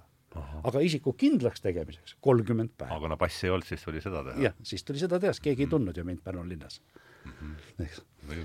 Ja, ja see oli esimene kord, teine kord juba oli jah, natukene rohkem action'it, kus siis ma teadsin tegelikult, et mind aetakse taga, juba oli mingisugune tagaotsimiskuulutus kuskil avaldatud ja ma püüdsin ennast varjata ja siis ikkagi aasta ütle palun veel. nüüd siis noh, kaheksakümmend oli esimene ja kaheksakümmend üks oli siis teine. et äh, vahepeal sain kuus kuud siis päikesevalgust nautida. Ja, ja, ja siis teisel korral oli jah küll see, et sõbrad püüdsid mind enda juures varjata ja siis hakkasid järsku akna alt igasugused Volgad väga tihedalt mööda sõitma ja ühel hetkel koputati ukse peale ja viidi ära. mina olen aru saanud, et kaheksakümnendate alguses oli nagu selline teine nagu repressioonide laine. See oli, tegelikult oli ta just kaheksakümnenda alguses, mitte kaheksakümnendate ja seoses Moskva olümpiamängudega. Oli vaja ühiskond puhtaks teha, igasuguseid äh, intsi-, ebameeldivaid intsidente vältida karvased ja, ja korjati toimus kõik ühiskonna, tänavatelt ära. ühiskonna puhastamine, see oli ka siis, ka oli nii dissidentide vastased kõik asjad, noh, professor Jüri Kukk, eks ole, ja ja, ja kõik, kõik, kõik teised. no sest näiteks Tartus, Tartu muusikapäevade ajal oli ju ka kaheksakümne teisel aastal oli mingi selline suurem vahistamine, et võeti kõik äh, Moskvast kohale la- laekunud äh, hipid kinni ja viidi nad kuskile äh, Venemaa piiri äärde, seal pandi nad öösel maha ja, ja noh, noh et, et, et, et, et kui nagu noh, hästi huvitav on sellest muusikast ka kuulates, et kui kui, kui noh, kuuekümnendate lõpus tekkisid beatbändid, oli veel selline hägusus, siis ühel hetkel oli see keldriline heli, on ju, kes, keda võib pidada nagu Nõukogude Liidu esimeseks psühhedeelset rokki viljelevaks bändiks. see oli, see oli bändi nimi Keldriline heli või? millest hiljem sai selle- Ventorel. jah, ja nad tegutsesid kõigest äh, umbes aasta, aga nad olid hästi märgilised, et inimesed, kes nende kontserdidel käisid, said tõesti mingisuguse sellise nagu elamuse, et seal oli ka, et küünlad või õhupallid saalis ja selline vaimne äh, õhkkond, et äh, et ta nagu muusikaliselt äh, kõlas natuke nagu Jefferson Airplane. noh, kui me seal enne rääkisime meie Pärnu kontsertidest, siis seal oligi see, see point, et eh, keldrilise heli tuumik olid Pärnu, Pärnu inimesed, minu koolivennad, ja, ja siis me, meil oli omavahel väga tihe side nendega kuni selleni, et siis eh, keldrilise heli ja hiljem Ventoreli kaubamärk oli soolokitarr, mida mängis Viljar Rähm ja me vahel jagasime teda, et ta käis ka meie, meiega Pärnus mängimas mm, -hmm. meil oli niisugune, see, selles mõttes niisugune nagu teemaline ja vormiline kattumine, et eks me püüdsime siis natuke neid jõudumööda jäljendada, mida nemad seal tipiklubi sees tegid. mis pilli sa ise mängisid? trummi. trummi, jah. Aga selle Viljar Rähni kohta mul on nagu hea tsitaat tema, tema laulusõnadest mm -hmm. loost Väsimus mm, -hmm. millega ma alustasin ka Nõukogude tipifilmi. võid mõelda kõigest, milles pea ringi käib ja öelda hoopis muud, mis kõigil meeldiv näib et see võtab nagu nii hästi kokku selle, et et kui nüüd sellest ideoloogilisusest rääkida või poliitilisusest, siis mida nagu need noored nagu valdavalt tahtsid, oligi siis selline vaba mõtteruum mm. -hmm. ja, ja noh, see teine, teine Keldri seri laul, et mul on tiivad, tiivad, tiivad, kuid ma lennata ei saa. Jah jah, et nagu, et need, need muusikalised väljendusviisid, aga ka, ka see stiil on ju, mida selga pandi, et see kõik nagu, nagu viitas sellele, et otsiti nagu mingisugust teistsugust tunnetuslikku tasandit või või, või see tunnetuslik ruum oligi see vaba, vaba, vabaks olemise ruum. Mm. -hmm. et nad ei saanud nagu protestida poliitiliselt ja ideoloogilises mõttes ka ja võib-olla ei olnud ühist keelt, aga aga mina nagu antropoloogina olen nagu hipisid nagu defineerinud läbi afekti et neid, et mis neid sidus, oli siis mingisugune selline tunnetuslik äh, intensiivsus äh,, mida nad siis kogesid või mida nad siis väljendasid äh, oma tegudes, aga et just siis selline nagu afektiivne kogukond, et neil oli siis see teistsugune tunnetus ja, ja sealt on siis nagu see link ühelt poolt siis see rokkmuusika, mis oligi ju selline psühhedeelse muusika nagu esimest korda elus kuulevad noored nagu sellist, mis asi on nagu drive ja mis asi on nagu selline mürasem nagu kitarriheli. Ja see oli hästi-hästi selline trippiv heli ja siis need noored tantsisid niimoodi, nagu ei olnud lubatud tantsida, et selline hästi kehaline kogemus käis sellega kaasas. teiselt poolt siis need vaimsed otsingud on ju, kokkupuuted kirikuga, kokkupuuted budismiga äh, ja, ja teiste nagu idamaade kultuuridega, et kas nagu meditatsioon, jooga, et ka sellised hästi kehalised äh,, kehalised nagu tegevused, mis võimaldasid siis afektiivselt tunda nagu midagi enamat kui selline nagu Nõukogude hall argireaalsus. ja siis kolmandaks noh, reisimine, et see on ju ka selline, et sa lähed kuskile, kuskile sinna Kesk-Venemaale, seal on nagu rong sõidab, suur ava, avar vabadus, et et kõik nagu sellised tegevused, mis nagu, mis minu meelest neid hipisid nagu ühendas, et oligi see teistsugune tunnetuslik või tunnetuslik intensiivsus mm -hmm. ja ka siis sinna juurde lähevad siis erinevad meeleseisundeid muutvad, muutvad nagu asjad, et et kanep oli kõige levinum, aga siis mingites ringkondades katsetati ka muude asjadega. kas afektiivne kogukond on nüüd selline mingi antropo-, antropoloogiline niisugune oskus äh, kas see on niisugune, on see sul põlve otsast või on see mingi juurdunud väljend antropoloogias mm.?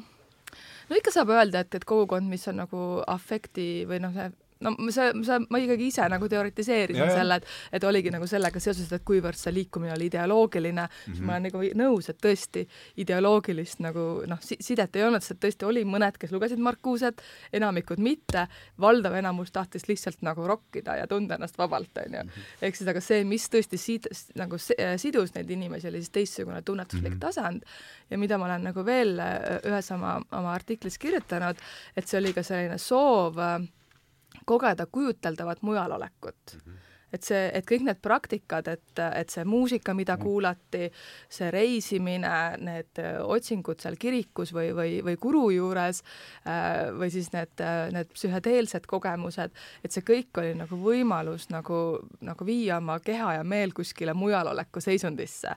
ja noh, et mis see siis nagu tähendas, oli siis selline äh, noh, mida, mida on nagu teised autorid, kes on Nõukogude ajast kirjutanud, on siis selline deterritoria-, deterritorialiseerumine mm. -hmm. et sa justkui nagu oma meeleliselt nagu oled sellest ühiskonnast nagu ära lõigatud või et sa leiad nagu mingi teise ruumi või et sa nagu jah, kujuteldav mujalolek on see termin, mida mina olen kasutanud nagu hipide kirjeldamiseks mm. -hmm. et nad, et, et see kujuteldav mujalolek nagu ühelt poolt täiesti meeleline, teiselt poolt ka see, et, et selline side lääne popkultuuriga et läbi siis muus-, muusika, mida noh, et valdavalt nad kuulasid Kontakte ju, te kuulasite ju lääne muusikat, on ju, et see, et me oleme ka osa sellest globaalsest noorte liikumisest. Mm. -hmm aga kus siis, ma saan aru, et Luksemburgi raadio oli üks, tõenäoliselt üks niisugune, üks kanal või nii vähe kui mina, mina olen ikkagi nii palju noorem, et ja, Rakverest veel niikuinii pärit, et seal olid ja jah, Radio Luxembourg. Ja., jah, see, seda sai siis noh, kes ja kuidas läbi, noh, ta tuli ju tohutute kahinate ja, ja mingite asjade, aga õnneks oli sellel raadiol üks hea, hea omadus, et ta kordas muusikat väga tihti, nii et kui sa terve öö ikka raadiot kuulasid, siis sa said ühe loo nagu nii-öelda algusest lõpuni kätte. ja siis seda kuulati, nii et kitarr oli käes, võeti tuurid maha ja noh, ega siis äh, see, et laulu tekste ei teadnud, see ei takistanud laulmist, siis lauldi inglise keeles, kui tekste ei teadnud, eks ole mm -hmm., nii-öelda inglise keeles. ja, jah. mina mäletan, üks lugu on, et äh, et eh, kes see mulle seda rääkis, et oli tulnud sõber niimoodi hommikul, et kurat, seal tundub, et läänes on peale Beatlesite üks bänd veel, aga kuna kahin oli suur, et see, et Willing, Willing, Willing Stones või midagi ma olen ka seda kuulnud, jah. no ja Gunnar Krapsil oli täitsa lugu ju Reidi Luxemburgi nimeline mm. ja, ja see oli, see oli elu, mingil, mingil perioodil, see ei olnud küll väga pikk, aga mingil ajal ta oli täiesti nagu eluallikas, et ja. no võib arvata, ainus niisugune, mis siis kostus mm. -hmm. kes seda üldse, mis selle sai see, kes seda siia, mis see üldse siia kolis, see Raadio Luksemburg eh,?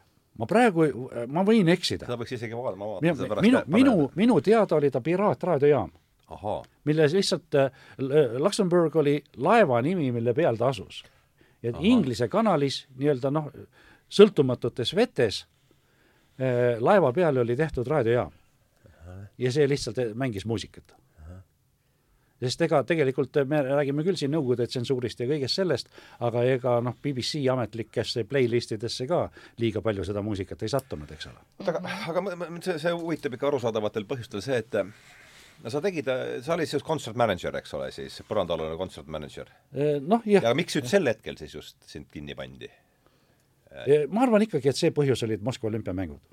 jah okay., et kuna, eriti kuna see viimane ameeriklastega see suur see, see aktsioon seal, need põrandaalused kontserdid kuni, kuni siis tõesti Pravda kultuuripaleeni välja, et kuna see oli otseselt ikkagi äh, Läksid juba liiga noh, ikkagi väga, väga nagu olümpiamängude kontekst jooksis sealt igalt poolt väga läbi, et, et ameeriklaste mhm. boikott ja meie tuleme siia ja, ja noh, meie teeme ja ja, ja, ja, ja jah, olümpiamängude saabumine oli see ja kus sa siis, sa istu-, sa ütlesid, alguses istusid kuus kuud? ei noh, e-, eeluurimine oli kuus kuud nii-öelda.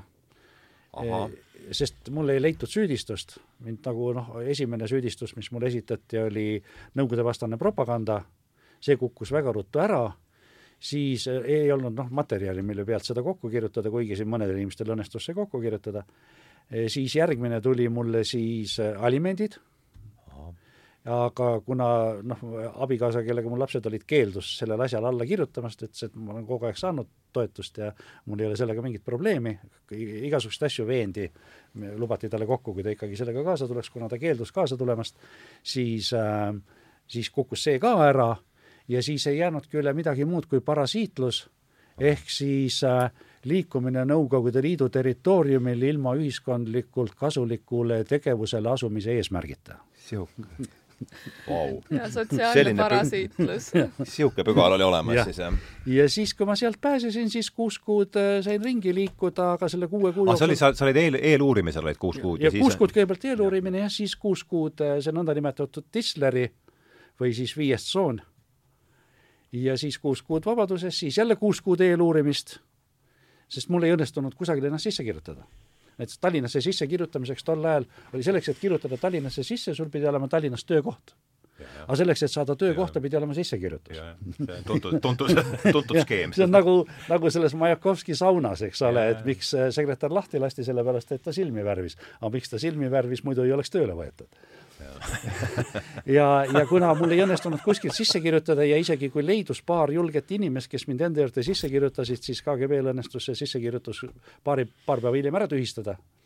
ja siis kuus kuud hiljem mind võeti äh, see passirežiimi rikkumisega, et ma elan ilma sissekirjutuseta. ahah, okei okay., passirežiimi rikkumine eks see noh, ilmestabki nii hästi seda, et nad otsisid mis iganes põhjuseid, et no,, et, et kinni võtta. tol ajal öeldi ja, ja see pidas väga hästi paika, et äh, et äh, leida seadust, millega inimene kinni panna, see ei ole probleem, et seadus on olemas, me peame ainult inimese leidma et noh, kas või sellesama passirežiimi, passirežiimiga oli ju ähm, ametlik kord nägi ette, et iga inimene, kui ta viibis rohkem kui kolm päeva eemal oma alalisest elukohast, pidi sellest äh, miilitsasse teada andma. seda keegi ei teinud. aga kui nüüd oli vaja keegi kinni võtta, siis oli ju põhjust lihtne leida. muidugi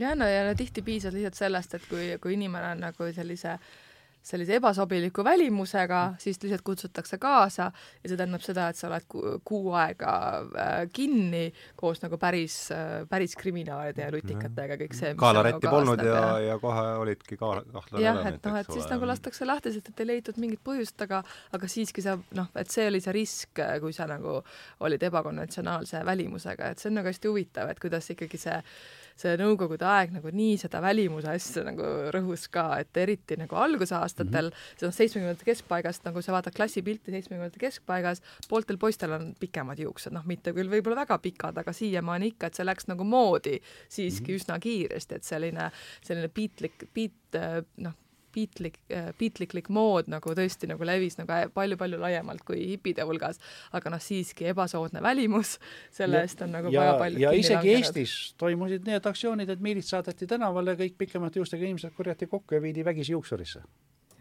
ja siis lasti nulliga maha, mis oli tol ajal noh, eriline häbimärk.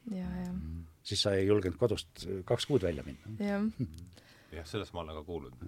jah, ja siis äh, veel nagu noh, kuuekümne, kuuekümne üheksandal aastal vist Tartus oli nagu mingi pogromnilaadne nagu sündmus, äh, kus siis, millest on siis see Johnny B. Isatam mulle rääkinud, et et kuidas nagu kriminaalid hakkasid äh, siis nagu pükse, neid värvilisi pükse lahti või lõhkuma või võeti neid kinni ja, ja füüsiliselt siis nagu ahistati ja siis äh, lõigati juuksed ära.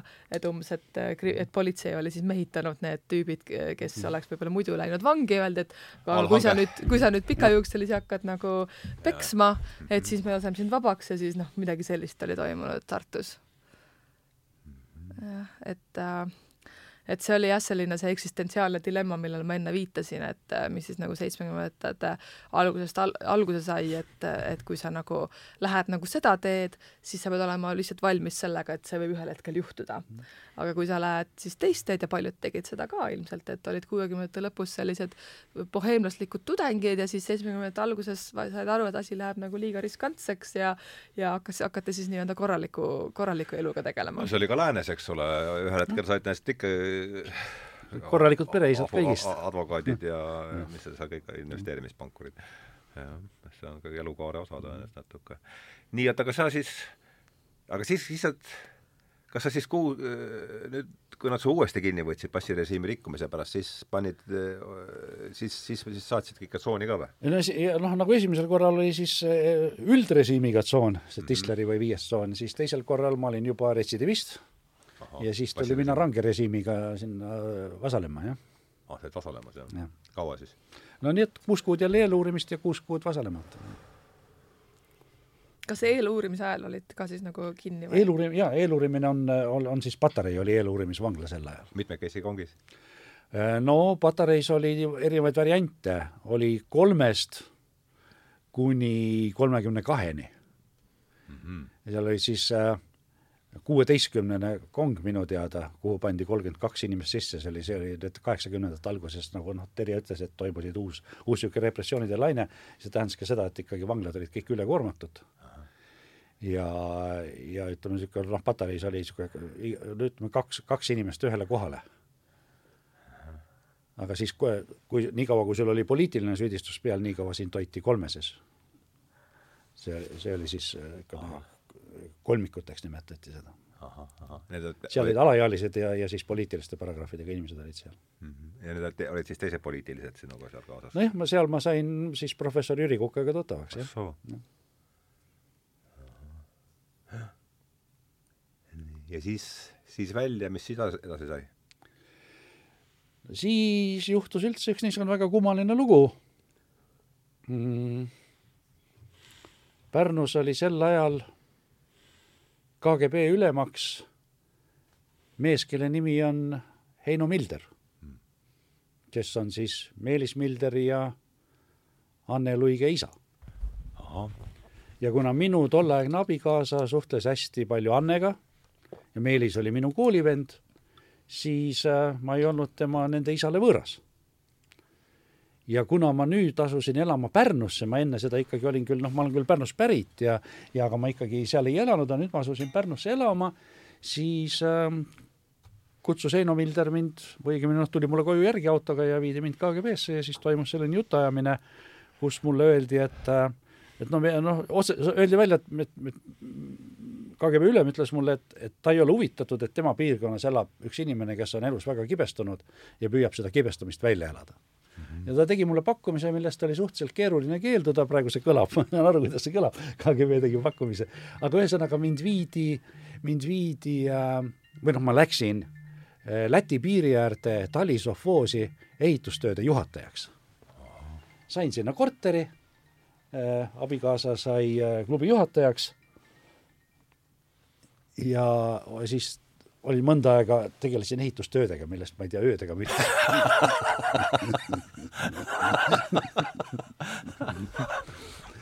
aga mu põhiline ametiülesanne oli siis äh, viimase kahe aasta jooksul valminud ehituste eelarve koostamine ja vastavusse viimine eh, tegelike kulutustega, kuna ma olen Pärnu teise keskkooli mat-, matekallakuga klassist, siis, siis mulle see ei valmistanud väga suuri probleeme, jah.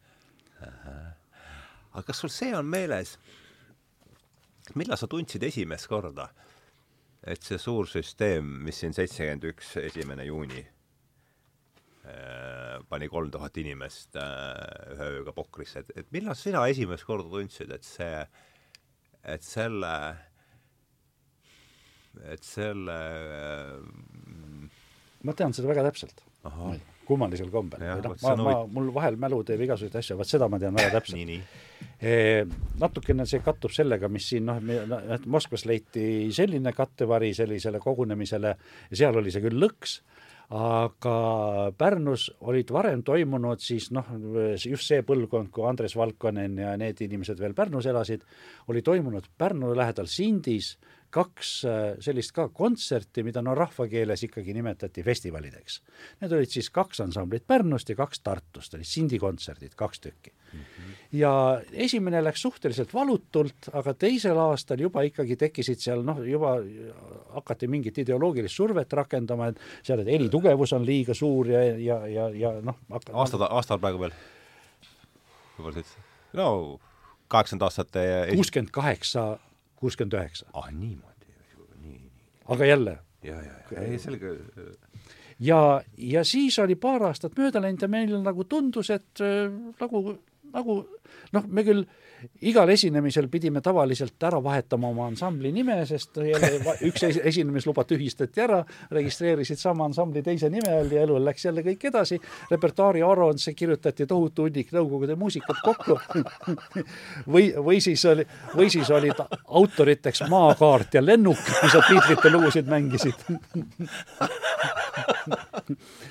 ja, ja meile tundus, et nüüd on aeg küps, et me peaks ka nagu midagi vägevat tegema. Ja teeme siis jälle uuesti sinna Sindis, Sindis või ma ei mäletagi, kas me pidime ka Sindis tegema või pidime Pärnus tegema, võib-olla Pärnus, sest Pärnuga oli sellesama rajooni kultuurimajaga, mida ma nimetasin, oli mul üks selline eriline side selles mõttes, et Pär-, et äh, oli tollal oli rajoon ja linn. Mm -hmm. ja linnast oli tohutu ideoloogiline tsensuur Pärnus tolleaegse kultuuriosakonna ja selle juhataja poolt. aga rajoonis seda nii palju ei olnud, eriti minu puhul võib-olla aitas sellele natukene kaasa see, et kultuuriosakonna juhataja oli minu õde ja me otsustasime korraldada, noh, mitte siis küll mingit Vietnami vastast aktsiooni, aga noorteansamblite sõpruskontserdi kõik ilusad sõnad. noored on meie tulevik, sõprus, rahvastevaheline sõprus, kõik nii edasi. ja, ja täpselt samamoodi siis oli ka, pidi tulema keldriline heli Tallinnast, meie oma ansambliga Pärnust ja siis minu arust vist oli Aleksander Müller siis Tartust mm. -hmm. et niisugust kolm noorteansamblit saavad kokku, mängivad muusikat kaks päeva. ja üks, meil käsitsi joonistatud plakatid, kõik sellised hipistiilis, meil oli üks oma kunstnik, kes neid tegi ja ja terve linn oli neid täis kleebitud ja juba hakkas pikajuukselise linna saabuma ja ja üks päev siis enne selle algust tuli Tallinnast, ma nüüd ei tea siis, kas partei keskkomiteest või kuskilt mujalt, tuli igal juhul käsk, et seda, neid kontserte ei tohi toimuda. Mm ja nüüd oli minu kõige suurem hirm ja noh, ma vist natukene ka pidasin oma õega nõu ja tema hirm samamoodi, et kõik see seltskond, kes tuleb kohale, kes ei saa teada, et kontserdid jäävad ära, need võivad hakata seal protestima mm. -hmm ja et me ei tea, mis, milleni see võib viia, et see võib viia mingi niisuguse jamani, et, et, et noh, seda enam ei, ei suuda keegi kontrollida ega juhtida. ja mina selles olukorras arvasin, et ma teen kõige paremat, mida ma teha oskan, võtsin kogu meie ansambli kokku, keegi võttis kitarri kätte, Toome Metsaveela oli viiuliga, Tiit Ennost oli kindlasti seal meil kambas ja Kultuurimaja laost võtsin selle nõndanimetatud megafoni, mis oli siis selline aparaat, millega sai natuke kõvemat häält teha ilma ja, juht, juhtmeta, eks ole, ja läksime läbi Pärnu linna, läbi Rüütli tänava, marssisime edasi ja tagasi ja kuulutasime läbi megafoni, et noorteansamblite sõpruskontserdid jäävad ära ja kui sa olid seda korda viis seal korrutanud, siis nagu hakkas endal niisugune pla-, plaat hakkas nii-öelda ringi käima ja ma lisasin sinna juurde veel, et et härrased Kultuuriministeeriumist arvasid, et noorteansamblite vahel ei ole sõprust vaja. Ja noh, mõningaid selliseid repliike natukene veel. ja, ja noh, siis äh, selle järel mu õde vallandati kultuuriosakonna juhataja kohalt viidi üle rahvakontrolli, tollal ei vallandatud, tollal viidi üle mm. -hmm. tema viidi üle rahvakontrolli ja no meil igasugune tegevus seal oma ansambliga,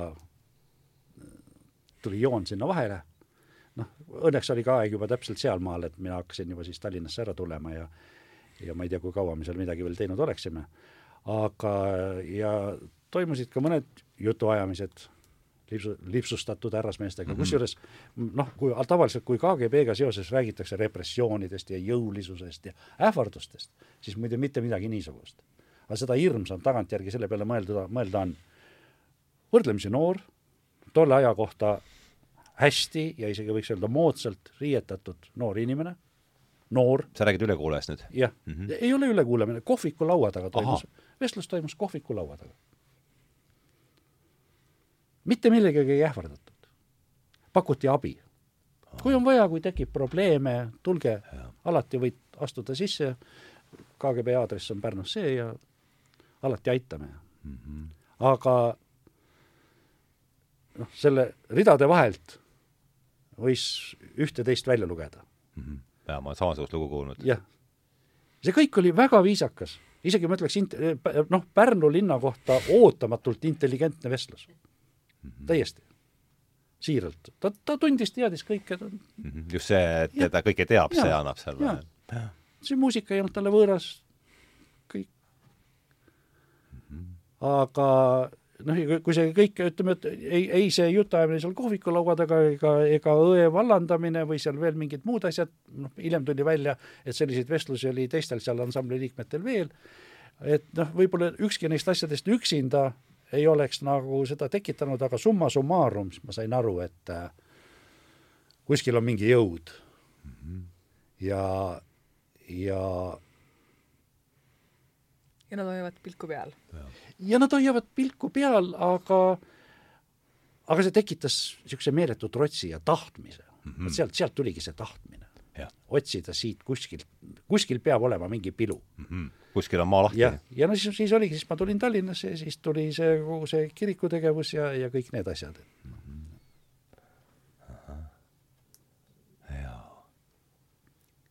mis äh, te, tekkis sul mingeid no, mõtteid kuulda vahele? Äh, paar mõtet on, et üks on nagu see, et, et kuida-, et, et, et, et see küsimus, et kuidas nagu noh, Nõukogude, noh alustades sellest, et Nõukogude või noh, Eesti oli Äh, Nõukogude Liidus tuntud sellise vab, natuke vabam, kui vab, natuke vabam mhm. kant ja, ja rokkmuusika poolest veel eriti tuntud. et siia tuldi siis äh, mujalt äh, linnadest ja riikidest, tuldi siia kohale neid, neid kontserte ja neid festivale nautima ja kogu Venemaal kõik, kõik see, see, see, see seltskond teadis, mis asi on mägi. Öeldi lihtsalt mägi ja kõik teadsid, et see on Tallinnas Harjumägi. jah seda plaate. tõsi ka, jah, vaata siis. see oli see plaadivahetuspunkt, aga no tõesti, näiteks äh, seitsmekümne teisel aastal oli Elvas oli festival kuhu ikkagi tuldi Moskvast äh, kohale, seesama see Sontse oli, oli ka seal kohal oma, oma, oma grupiga. et nii-öelda tuldi siia kokku, aga see, et, et kuidas see kõik toimus, on ju, kuidas need kontserdid said toimuda või need festivalid said toimuda, et see on nagu, et see, see näide sellest, et kuidas sinu õde oli seal selle, see asedirektor või, või kultuuriosakonna juhataja. kultuuriosakonna juhataja, et see nagu täpselt viitabki sellele, et need olid nagu kohati nii juhuslikud ja nii seotud nagu inimeste endiga, kes nagu kuskil töötasid. et näiteks ma ei tea, Kohi Kohila kultuurimajast on nagu palju räägitud, et seal äh, noh, Sven, Sven Grünberg on mulle öelnud, et et võib-olla nagu, et mingil perioodil Nõukogude Liidu nagu muusikaline keskus oli Kohila, et seal oli kõige parem soundsüsteem olnud oh.. et noh, et noh, need nagu, nagu üsna nagu juhuslikud mm. faktid sama, aga see on samamoodi nagu... ütleme, Tartu Ülikooli klubi direktor, ma enam praegu ta nime ei mäleta, tänu kellele kogudus sai tegutseda, eks ole mm, -hmm. ja ja lõpuks ka Tipi klubi, noh, Olavi Pihlamägi, see oli küll, küll ühtepidi tugeva komsomoli kontrolli all, aga see andis ikkagi ansamblitele nagu see Keldri neli ja Mentor väga palju oli isikutes kinni, eks ole. ja kõik see andis võimaluse tegutseda. täpselt nagu nii juhuslikult need asjad olidki, et kes oli valmis nagu riski võtma ja, ja kes võib-olla isiklikult ka kuidagi suhestus sellega. ja, ja kuhu maale riski ja. võtma, eks ole, näiteks kui me tahtsime ja. Tüüriga Tipi aulas mängida, siis Pihlamägi ikka ütles, et ta ei julge. just, just, just ja noh, Loomingu Raamatukogu peatoimetaja, ma nii palju, kui mina olen, oli Otto Samma vist, eks ja, ole, kes selle jah tuli kohe meelde sellest siin, jah. jah, ja teine mõte on nagu see, et et kuivõrd nagu noh, et kuivõrd need repressioonid olid tõesti, ma nimetasin enne ka vaiksed et, et nad, et nad alati kuidagi üritasid ikkagi puhta näoga sellest nagu välja tulla. et ei olnud nii brutaalsed ja ma arvan, et kaheksakümnendate alguses oli isegi brutaalsem see mm, -hmm. aga ka siis nagu, et, et kogu aeg oli ikkagi see, et nad nagu tahtsid ka mitte nagu sellele Nõukogude üldsusele väga nagu välja näidata neid repressioone, mis tegelikult toimusid selliste kontrakultuuriliste äh, inimeste suhtes ja noh, siis sealt edasi on muidugi ka see, et, et mõned ju võeti kinni, äh, värvati koputajateks ja siis paljud nagu pidid oma sõbrale tegema karuteene, sest nad kartsid, et noh, et see kõik oli selline ah, jah, ühelt poolt ja kõige huvi-, noh, naljakam nagu väljend selle asja kohta on see, et, et mis süstematiseeris Nõukogude hipisid, oli seesama KGB. et nendel oli võib-olla kõige parem ülevaade, kes kuulusid hipide hulka, sest nad tõesti nagu jälgisid seda kõike hirmuäratava täpsusega mm. -hmm aga noh, sellegipoolest oli nagu, oli nagu pragusid, oli pilusid, et nagu noh, Peterburis ka mingitel aastatel te tegutses väike kommuun, on ju, aga mitte rohkem kui paar aastat, sest et kohe jälle noh, tulid nagu, tulid nagu need ähm,, need äh, võimukandjad peale, et, et noh, et kui midagi kuskilt nagu oli, siis ikkagi tihti nagu varem või hiljem pandi nagu käpp peale. Ja siis tänu sellele ongi see, see minu tees ka selle poliitilisuse kohta, et kuivõrd need tegevused olid siis, oli siis poliitiline protest, ma ütleks, et see oli siis selline mittepoliitilisuse poliitika. süsteemist väljas. et nad olid nagu, et, et need inimesed olid kahtlemata poliitilised oma tegevuses, aga nad ei saanud olla poliitilised nii-öelda otsesõnu yeah.. et nad pigem olidki oma passiivsuses poliitilised, nad otsisid nagu selle teise iseolemise ruumi yeah. ja nad ignoreerisid seda süsteemi mm -hmm. ja püüdsid võimalikult palju leida siis seda vaba mõtte kanti. jah, igihaljas probleem mingis mõttes igas mm -hmm. ühiskonnas, ma kujutan ette, eks. Aga ma, ma mõtlesin, et no nüüd me oleme kaheksakümnendate aastate keskel kuskil. millal sa, millal, millal sa, millal sa adusid seda, et ütleme noh, no kaheksa, ma kujutan ette, ma olin liiga noor ja üldse veel kord Rakverest pärit ja, ja teeme ema õpetaja ja seal noh, ma mul ka ema õpetaja. okei okay,, no sa ei vabanda mind siis järelikult. aga, aga no kurat, kaheksakümnendate aastate algus ei ole ju mitte mingit äh, tulukest ei, ei, ei põle ju mitte kuskil ja kaheksakümmend üheksa on, no kaheksakümmend seitse on meil siin sinimustvalge tänaval. mida sa mõtled tulukese all? no selles mõttes, et äh, Brežnev on kaheksakümmend üks ju veel elus, äh, et noh, selles mõttes, et ei paista ju midagi, et see süsteem võiks kusagiltki et millal sa, millal sina tundsid seda, et see, see süsteem võib ühel hetkel kõigi oma tuumarelvade ja kurat miljoni see on miljoni..., see on nii vastuoluline küsimus või õigemini noh, vastus sellele on vastuoluline selles mõttes, et ühtepidi ma võin öelda ja see on tõesti täiesti siiralt öeldud, ilma mingisuguse liialdamiseta, et ma kusagilt ikkagi väga varasest lapsepõlvest, noh kuna mul vanemad on must palju vanemad olnud ja ja nad on elanud ka nendel teistel aegadel ja ja vahel ühte-teist sealt, sellest väga ei räägitud, aga ühte-teist no see teadmine oli olemas, jah. kuskilt imbus midagi välja et äh, ma nagu teadsin, et see, see on midagi niisugust, mis ikkagi kaua koos püsida ei saa mm. -hmm. aga, aga sellel ei olnud nagu mingit loogilist niisugust, noh, mingit roadmap'i ma ei oleks olnud võimeline, eks ole, maha panema. see teadmine ikkagi hoidis kusagil sees ja, üleval. ja teiselt poolt, tegelikult teiselt poolt, ma ikkagi aastani kaheksakümmend seitse, ma arvan, elasin täieliku teadmisega, et mina kunagi Nõukogude Liidust oma elus lahkuda ei saa sest see vist oli aasta kaheksakümmend seitse, kui minu tolleaegne abikaasa mingi turismigrupi koosseisus käis esimest korda eh, või võis ka kaheksakümmend kuus olla, käis esimest korda Poolas. ja ma käisin Bulgaarias kaheksakümmend seitse. ja pärast seda siis mulle üks KGB ohvitser, nüüd mitte seesama Pärnu julgeolekuülem, seal oli neid Tallinna tegelasi, kellega ma rohkem olin sunnitud kokku puutuma, ütles, et see see, et sinu abikaasa sai Poola, see oli viga. ja seda inimest, kes selle vea tegi, on juba karistatud. See oli veel kaheksakümmend seitse? jah. no, no võib-olla kaheksakümmend kuus, noh kuskil. ei nojah, ega seal täpselt seal ei ole, jah. et, et ja selle tõttu mina, ma olin veendunud, et mina seda ei näe. et kui see kõik ühe korraga juhtuma hakkas, siis ta ikkagi tuli nagu, nagu laviin see ongi see, et need, et noh, needsamad need hipid ja kontrakultuuri inimesed lõid neid, neid iseolemise ruume. ja siis ühel hetkel ju tekkis kohvikukultuur -hmm. et need iseolemise ruumid läksid nagu köögist välja nagu rohkem, üha rohkem avalikesse kohtadesse, kohvikutesse ja nii edasi.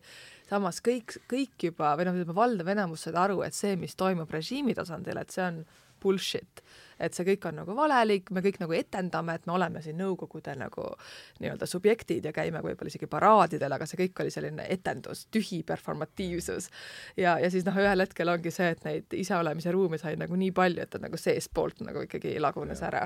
ja just seesamane see noh, ma mõtlen, mõtlesin ka praegu, et, et tulukest ei paistnud, aga, aga sa ükskõik, kas see, kas see oli lootusetus, mis selleni viis või mingi muu asi, aga et sa no kõigepealt sa lõid omale sellise sisemise vabaduse just, ruumi, noh, vaimsel tasandil. ja siis leidsid omale mõttekaaslasi ja noh, ja siis hakkas ükskõik köögilaua taga või, või kohvikus või, või ühel või teisel kujul noh, noh ja, ja samal ajal tegelikult ju kogu aeg nagu midagi toimus. Ja, kogu aeg, kogu aeg oli, oli see mõni kontsert, oli see mõni teatrietendus, vahel keelati see ruttu ära, aga kuskil ikkagi ja, nagu jah, see jah, see tulukest ei olnud. tulukest ei olnud, aga sädemeid lendas. ja, ja, ja jaa. millal sina, Tere, Tere, käisid esimest korda USA-s? Äh, kaks tuhat kolmteist. kas mis on sinul USA, kui sa, mis on su kõige esimene USA selline mälestus? no ma, ma kaks tuhat kolmteist läksingi oma kohvriga, päriselt kolisin Berkeley'sse et see oligi nagu minu jaoks ka hästi huvitav nagu seos selle tänase teemaga, et et ma sattusin, äh, ma sain Fulbrighti stipendiumi ja, ja see ülikool, kuhu ma siis sattusin, oli just nimelt Berkeley mm, -hmm. mis oli ju lääne hipiliikumise juures hästi-hästi tähtis, arvestades seda, et San Francisco oli selle lääne hipiliikumise epitsentreid, see oma, San Francisco liikumine omakorda jagunes kaheks, üks ringkond oli siis seal Haight Ashbury'l, kus oli siis rohkem psühhedeelikumid, rohkem nagu värvilised riided ja, ja selline kuidagi eskapistlikum joon ja teiselt poolt Berkeley oli siis just nimelt see intellektuaalsem äh, vastupanu liikumine, kodanikuõigused, äh, et, et kõik nagu sellised äh, poliitilised, intellektuaalsed teemad oli, koondusid siis just Berkeley, Berkeley ümber.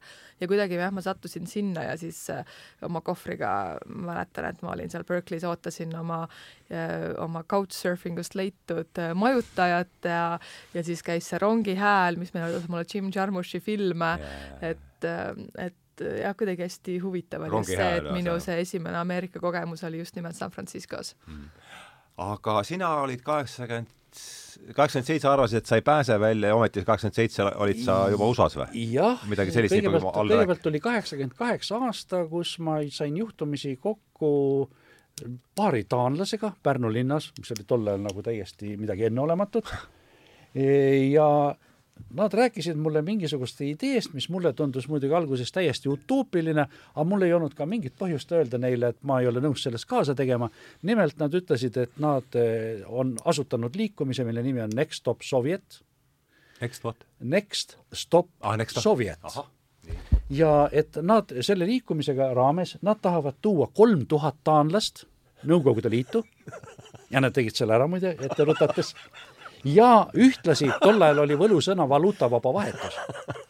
Et kui sul välismaale minna, sul valuutat on vaja, eks ole, valuutat ei ole, siis taanlased tulevad siia, meie maksame kinni kõik ja, nende taanlaste kulud siin, leiame mingisugused inimesed, kes neid enda juures majutavad ja kõike muud, sorry. ja, ja omakorda siis kaks tuhat venelast või noh, Nõukogude inimest siis. Nende hulgas minu teada oli lõpuks neli inimest Eestist saavad minna siis äh, Taani. sellised kaks taanlast Pärnu linnas. jah, ja, ja sellele inimesele siis, kes neid asju ajas ja korraldas ja noh, dokumente vormistas ja ikkagi vaja, kõigepealt ju tollal oli vaja saada väljasõiduluba. ja seda siis ma ütlesin, et ära pane mind sinna nimekirja, et lõpuks ei lasta sind ka, eks, et, et parem mine käi ise ära kõik on hästi. ta ütles, ei, ma ikka panen. ma ütlesin, no ise tead, ise kannatad selle all. Ja ma tõepoolest lõpuks, marsruut nägi veel selline välja, et siis kõik need kaks tuhat inimest kogunesid Leningradis. seal pandi meid rongi peale ah,. rongi. rongiga sõideti Helsingisse. Helsingist sõideti laevaga Stockholmi, Stockholmist rongiga Kopenhaagenisse.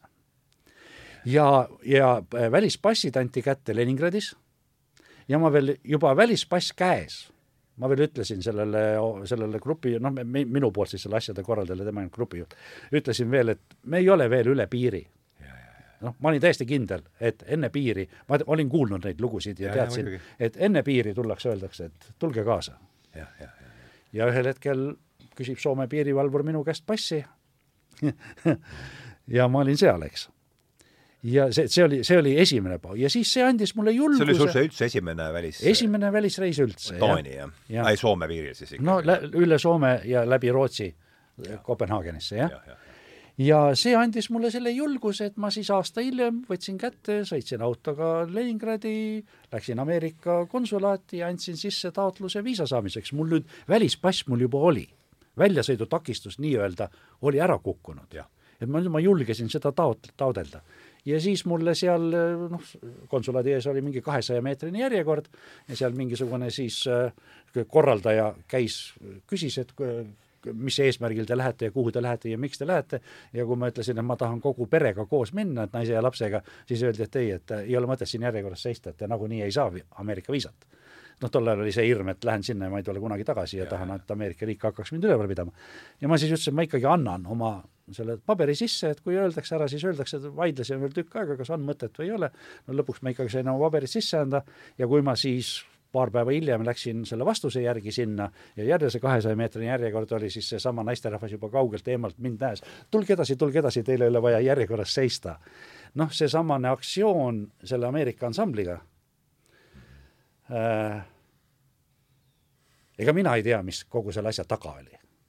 aga ma tean seda, et ühel hetkel üks selle aktsiooni Ameerika poolsetest juhtidest nagu kogemata nüüd Facebooki aegadel, kogemata meenutas, kui ta üliõpilasena oli Kissingeri kabinetis minu küsimus on, mida teeb Ameerika era, Oklahoma eraülikooli üliõpilane Kissingeri kabinetis? Eks. nii et seda tausta ma ei tea, aga ma tean seda, et mul, noh, nad ütlesid mulle ka varem seda, siis kui mul need noh, hirm oli, et KGB hakkab mind kinni panema, ütlesid, et, et mul on vaja ainult pääseda mööda sellest miilitsa valvest USA saatkonna ees, et mulle antakse täielik kaitse. ma ei üritanud seda, ma ei tea, kas see oleks nii olnud või mitte.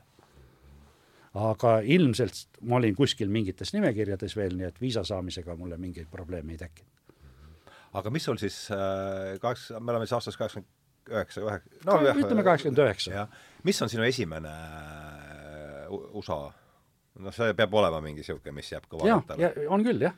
kuna mu sõbrad, kes mind seal vastu pidid võtma eh, ei olnud keegi New Yorgis, aga, aga siis äh, Aeroflot lendas New Yorki, siis ma pidin ühe öö veetma, ühe öö veetma ise seal hotellis ja siis järgmisel päeval kas sõitma või lendama edasi, ma enam ei mäleta, ja nüüd ma pidin sõi-, võtma takso ja sõitma hotelli mm. -hmm ma arvasin, et kui ma tean hotelli nime, siis sellest piisab. ma istu-, ütlesin taksojuhile hotelli nime. ta küsib mu käest what city, ma ütlen New York. no what city? ta New York. What city? New York noh, siis selgus, et New York ei olegi üks linn, eks ole. Jah, see on öelda jäänud. no kuulge, aga olen tähele pannud seda, et heas seltskonnas äh, möödub aeg ju linnutiivul ja nüüd on meil siin, üritaks veerand tunniga asja kokku tõmmata.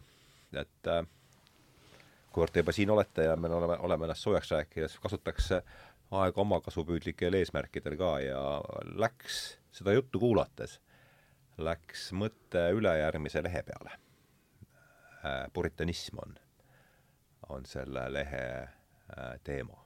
et mis, ärge mõelge eriti pikalt, mis mis on puritaanlus, esimene asi, mis tuleb, tuleb pähe sellega? Et arutaks sellel teemal natuke, et ma lihtsalt puhtalt isiklik huvi, et juba kogun mõtteid selle, selle, selle, selle teema ja Mi- minu vastus läheb ilmselt sellest, mida sa ootad. Ma ei ma- ma- ma ei oska midagi oodata. siis, siis Terje saab sisulisemalt vastata. Ma ei oska midagi oodata. esimene assotsiatsioon, mis selle peale pähe tuleb, on praegu eh, minu arust meeletult ja põhjendamatult hoogu võttev eh, keelepuritanism, selle, mis toimub siis nii-öelda eesti keele kaitse sildi all mm, -hmm aga mis noh, kui lühidalt kokku võtta, siis minu arust on peaaegu jõudnud selleni, et sa enam cappuccino't tellida ei tohi, sa pead cappuccini'de kohvi küsima. Et, et, et, et noh, kus, kusagil on nagu mingid mõistlikud piirid. eriti kuna mul on praegu noh, mõned sellised sõbrad, kes ei oska eesti keelt ja on asunud Eestisse elama, millises hädas nad on oma igapäevaste olmeküsimustega, sest ta isegi poeriiulite peal mitte kuskil, noh, ta ei leia talle vajalikke asju ja, ja, ja noh, võib öelda, et see on nagu normaalne kohanemisraskus, aga, aga et ma praegu ei oska seda pointi sulle õieti välja tuua. Ei, see ma tahtsingi täpselt esimest kus, reaktsiooni. kuskil, kuskil toimub mingisugune noh, hetkel võime ikkagi öelda, et lausa siis valitsuse tasandil siin katsed keeleseadusesse muudatusi tuua, mille vastu on kõik äh, ettevõtjate assotsiatsioonid, kõik on juba protestida jõudnud. et äh, minu jaoks on see praegusel hetkel see, mis, mis on noh, keelepuritanism mm. -hmm. väga hea. mis sul? no mulle ta ikkagi seostub, seostus kohe nagu selle, selle tänase teemaga ka, et Jaa. et noh, kuivõrd ju Nõukogude Liidus, et needsamad hipid, et, et see, et see, kuidas nagu need võimukandjad nagu nägid neid, oli ikkagi selline moraliseeriv ja just Mhm. sellise puhtusele nagu orienteeritud, et hipid on räpased, kannavad nagu ebasobilikke riideid, et hästi palju sellist moraliseerivat äh, nagu, nagu, nagu diskursust oli selle juures, et et selle pora, selle puritanis-, puritanismiga ma ka ikkagi seostan nagu seda, et kuidas siis, kuidas siis kuidagi nagu võimu kaudu nagu üritatakse luua mingisugust äh, puhast või, või, või mingile vormile vastavat äh, subjekti äh,. noh, mis on nagu hästi noh, mis, mis no nagu paratamatult kuskilt võib minna vägivaldseks, et et kui nagu need, need reeglid, et mis on õige, mis on vale, mis on moraalne, mis on amoraalne, milline on äh, õige viis olla, käituda, tantsida, rääkida, et see on nagu Ja, ja, ikkagi see alati kuidagi seotud, mingit laadi jah. repressioonid võivad sellega kaasneda. ja, ja tahad sa edasi põrgatada seda palli? ei, ei sealt se- seda, sellel teemal jah, nüüd vist, vist enam mitte. Mul mul lihtsalt tuli hoopis üks teine Ja, ja. asi, et kas, kas see Tom Stoppardi näidend Rock n Roll on teile tuttav? ei ole kusjuures, aga Stoppardi, ma olen suur seda, Stoppardi seda on austaja. isegi Eestis mängitud, Endla teater on seda kunagi Ahah. mänginud. ma ei ole ka seda En- Endla teatri versiooni ma ei ole näinud. aga seal, noh, ta räägib siis nendest äh, samadest Praha sündmustest, eks. ahah ja-, see näidend jah. jah, ma tean Ja- seda, aga ma ei ole näinud jah. ja, ja tema jagab nagu siis no seda võib nimetada kontrakultuuriks, aga nagu tegelikult üldse siis sellise mingi vastutegevuse, jagab, jagab kaheks mm. -hmm. ühed on siis nii-öelda need inimõiguslased, kes kirjutavad peten-, petitsioone ja püüavad eh, olemasolevate seaduste raames eh, noh, jõustada konstitutsioonilisi vabadusi ja õigusi. ja ta nimet-, tema nimetab neid hereetikuteks, noh, ketseriteks siis, jah jah, jah, jah. ja teised on siis need, kes eh, ükskõik siis apoliitilise, passiivse, sellise hoiakuga, aga ühtlasi ka niisuguste kultuurilise polariseerumisega ja, ja noh, välimuse ja kõige sellega siis eh, noh, nii-öelda passiivselt avaldavad vastupanu selle süsteemi vastu. Ja neid ta nimetab paganateks. Huvitav. ja nüüd ta esitab on sellise küsimuse, et kumb neist kahest, kas hereetikud või paganad on ühiskonnale tegelikult suuremaks ohuks ja noh, valitsevale süsteemile. ja, ja, ja tema jõuab igal juhul üllatuslikult sellele järeldusele, et, et, et eh, režiimile vastanduvad tegelikult äh, paganad, ja, ja. mitte hereetikud, absoluutselt, ma olen eks. sellest täiesti veendunud. sest, sest, sest hereetikud on ise osa sellest samast süsteemist ja, ja. ma näen seda loogikat. ja nad on, nad on selle tõttu kontrollitavamad, juhitavamad, aga, aga, aga paganad noh, on nagu, nagu totalitaarse süsteemi must auk. no seda, selle kohta on ju John Gray öelnud ilusti, minu suur ühesõnaga, Gray oli esimene, kes lõi minu komsomoli äh, ajajärku, mis kestis aastad nagu kaks tuhat viis, ma arvan, minu komsomol. tema oli esimene, kes lõi sinna mõra ja et, et ateism omab äh, mõtet üksnes monoteismi kontekstis. Paganluses ei ole ateismi äh,, ateismil äh, ju sisu.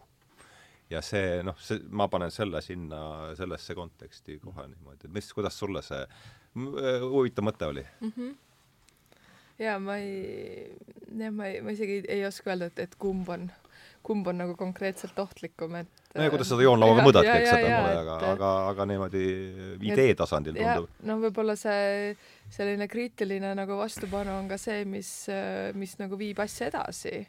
et selline täie-, totaalne nagu eskapism on ka äh, on ka nagu noh, ongi mingites olukordades on täiesti arusaadav, et ma saan väga hästi aru nendest hipidest, kes, kellel ei olnudki muid valikuid, kui, kui nagu mitte suhestuda selle ümbritsevaga, sest et see, et noh, et, et, et ajalugu oli juba näidanud, et igasugune üritamine ei vii mitte kuhugi, et see ei too kaasa neid mingeid produktiivseid tagajärgi.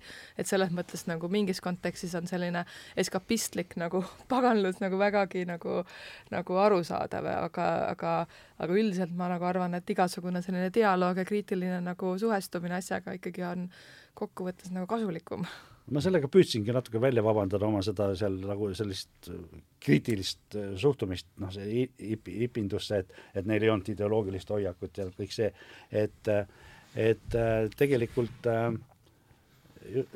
oli, oli ükskõik millega oli tegemist, noh, millise subkultuurilise nähtusega või noh, minu, arust nagu dissidentlus läheb ka subkultuuri alla. no ikka muidugi. et seda oli ikkagi suhteliselt lihtne kontrollida või seda noorteansamblite asja oli Komsomolil võimalik oma käpale saada ja kõike. aga hipiliikumine oli siiski nii laialivalguv, et mm. nii läänes oli selle kontrolliga hädas, ei suudetud seda saavutada ja ka Nõukogude Liidus ei suudetud seda saavutada.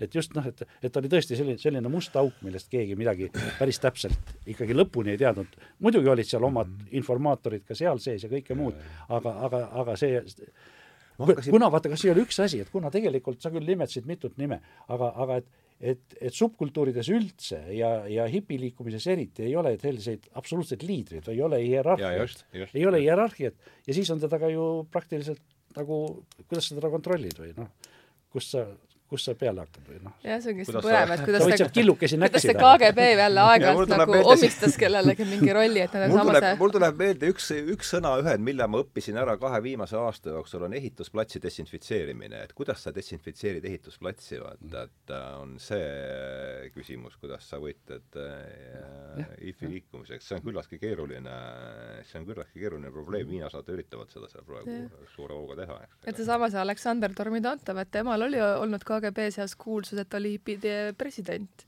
noh, mingis faasis mm., noh muidugi see ei olnud mm. tõsi, aga et, et aeg-ajalt nagu režiim jälle nagu arvas, et see on ilmselt liider, tema on liider, et noh, nemad peavad maha võtma kõigepealt.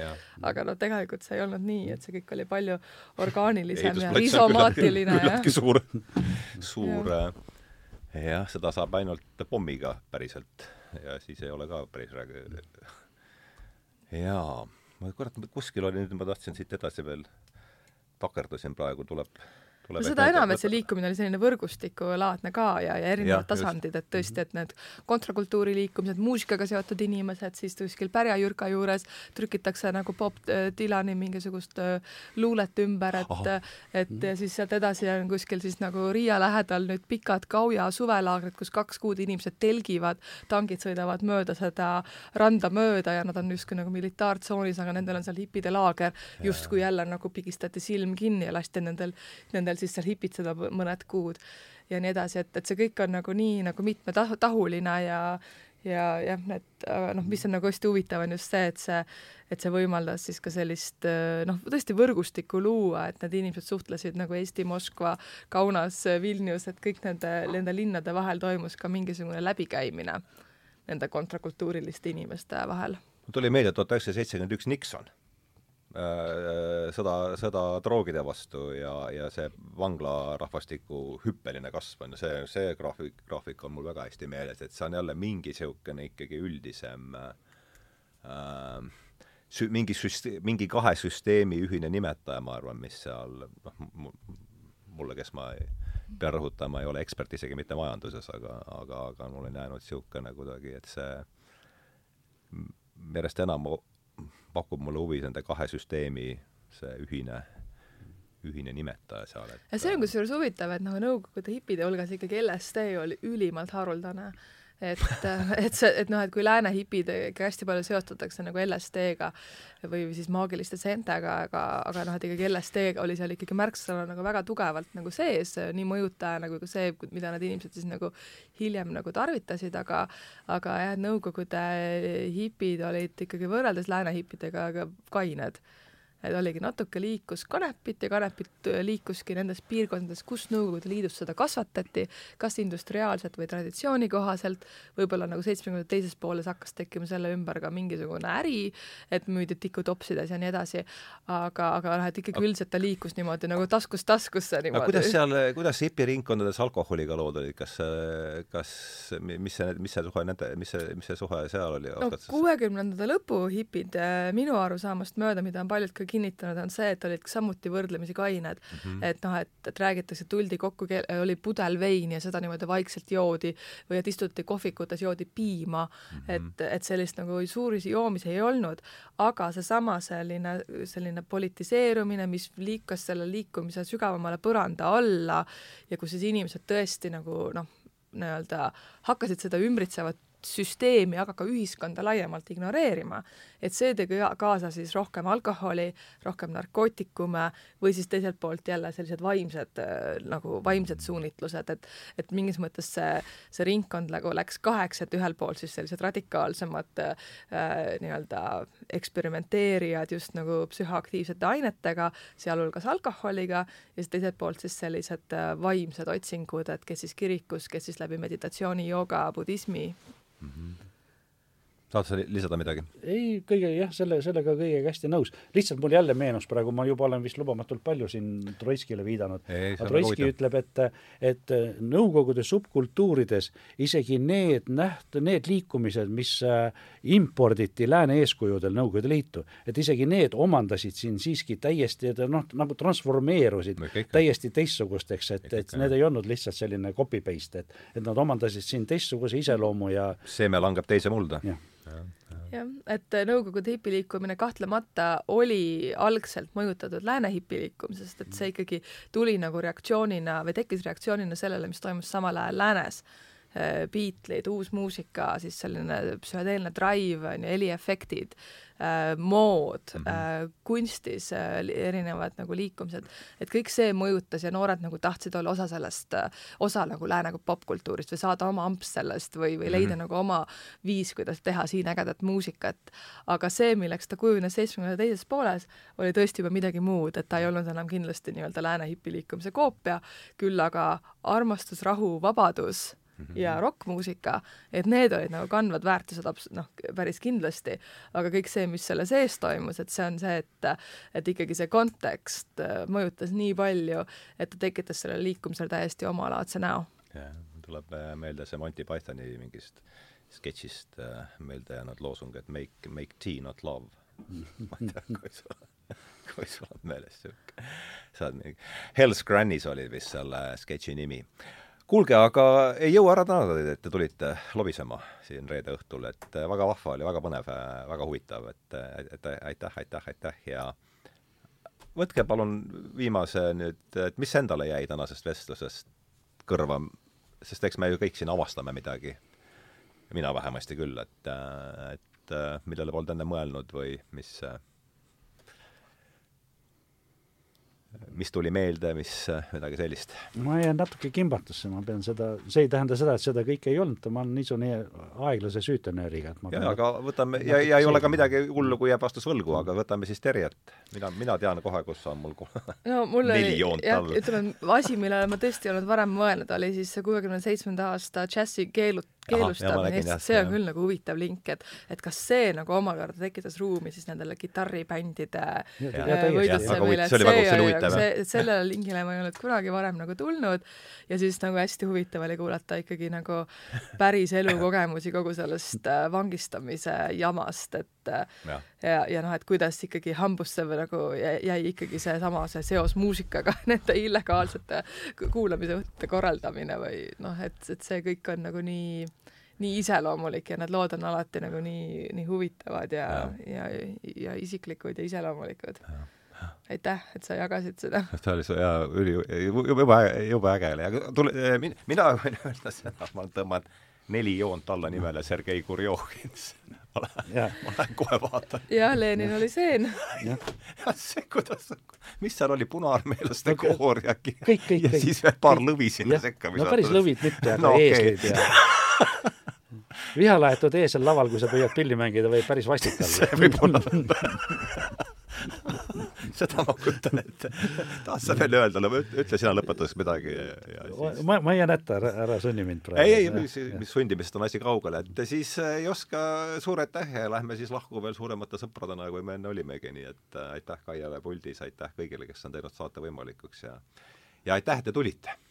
aitäh kutsumast. aitäh kutsumast ja aitäh kuulamast. jah et tõmbame missioon alla ja lähme nädalavahetusele vastu.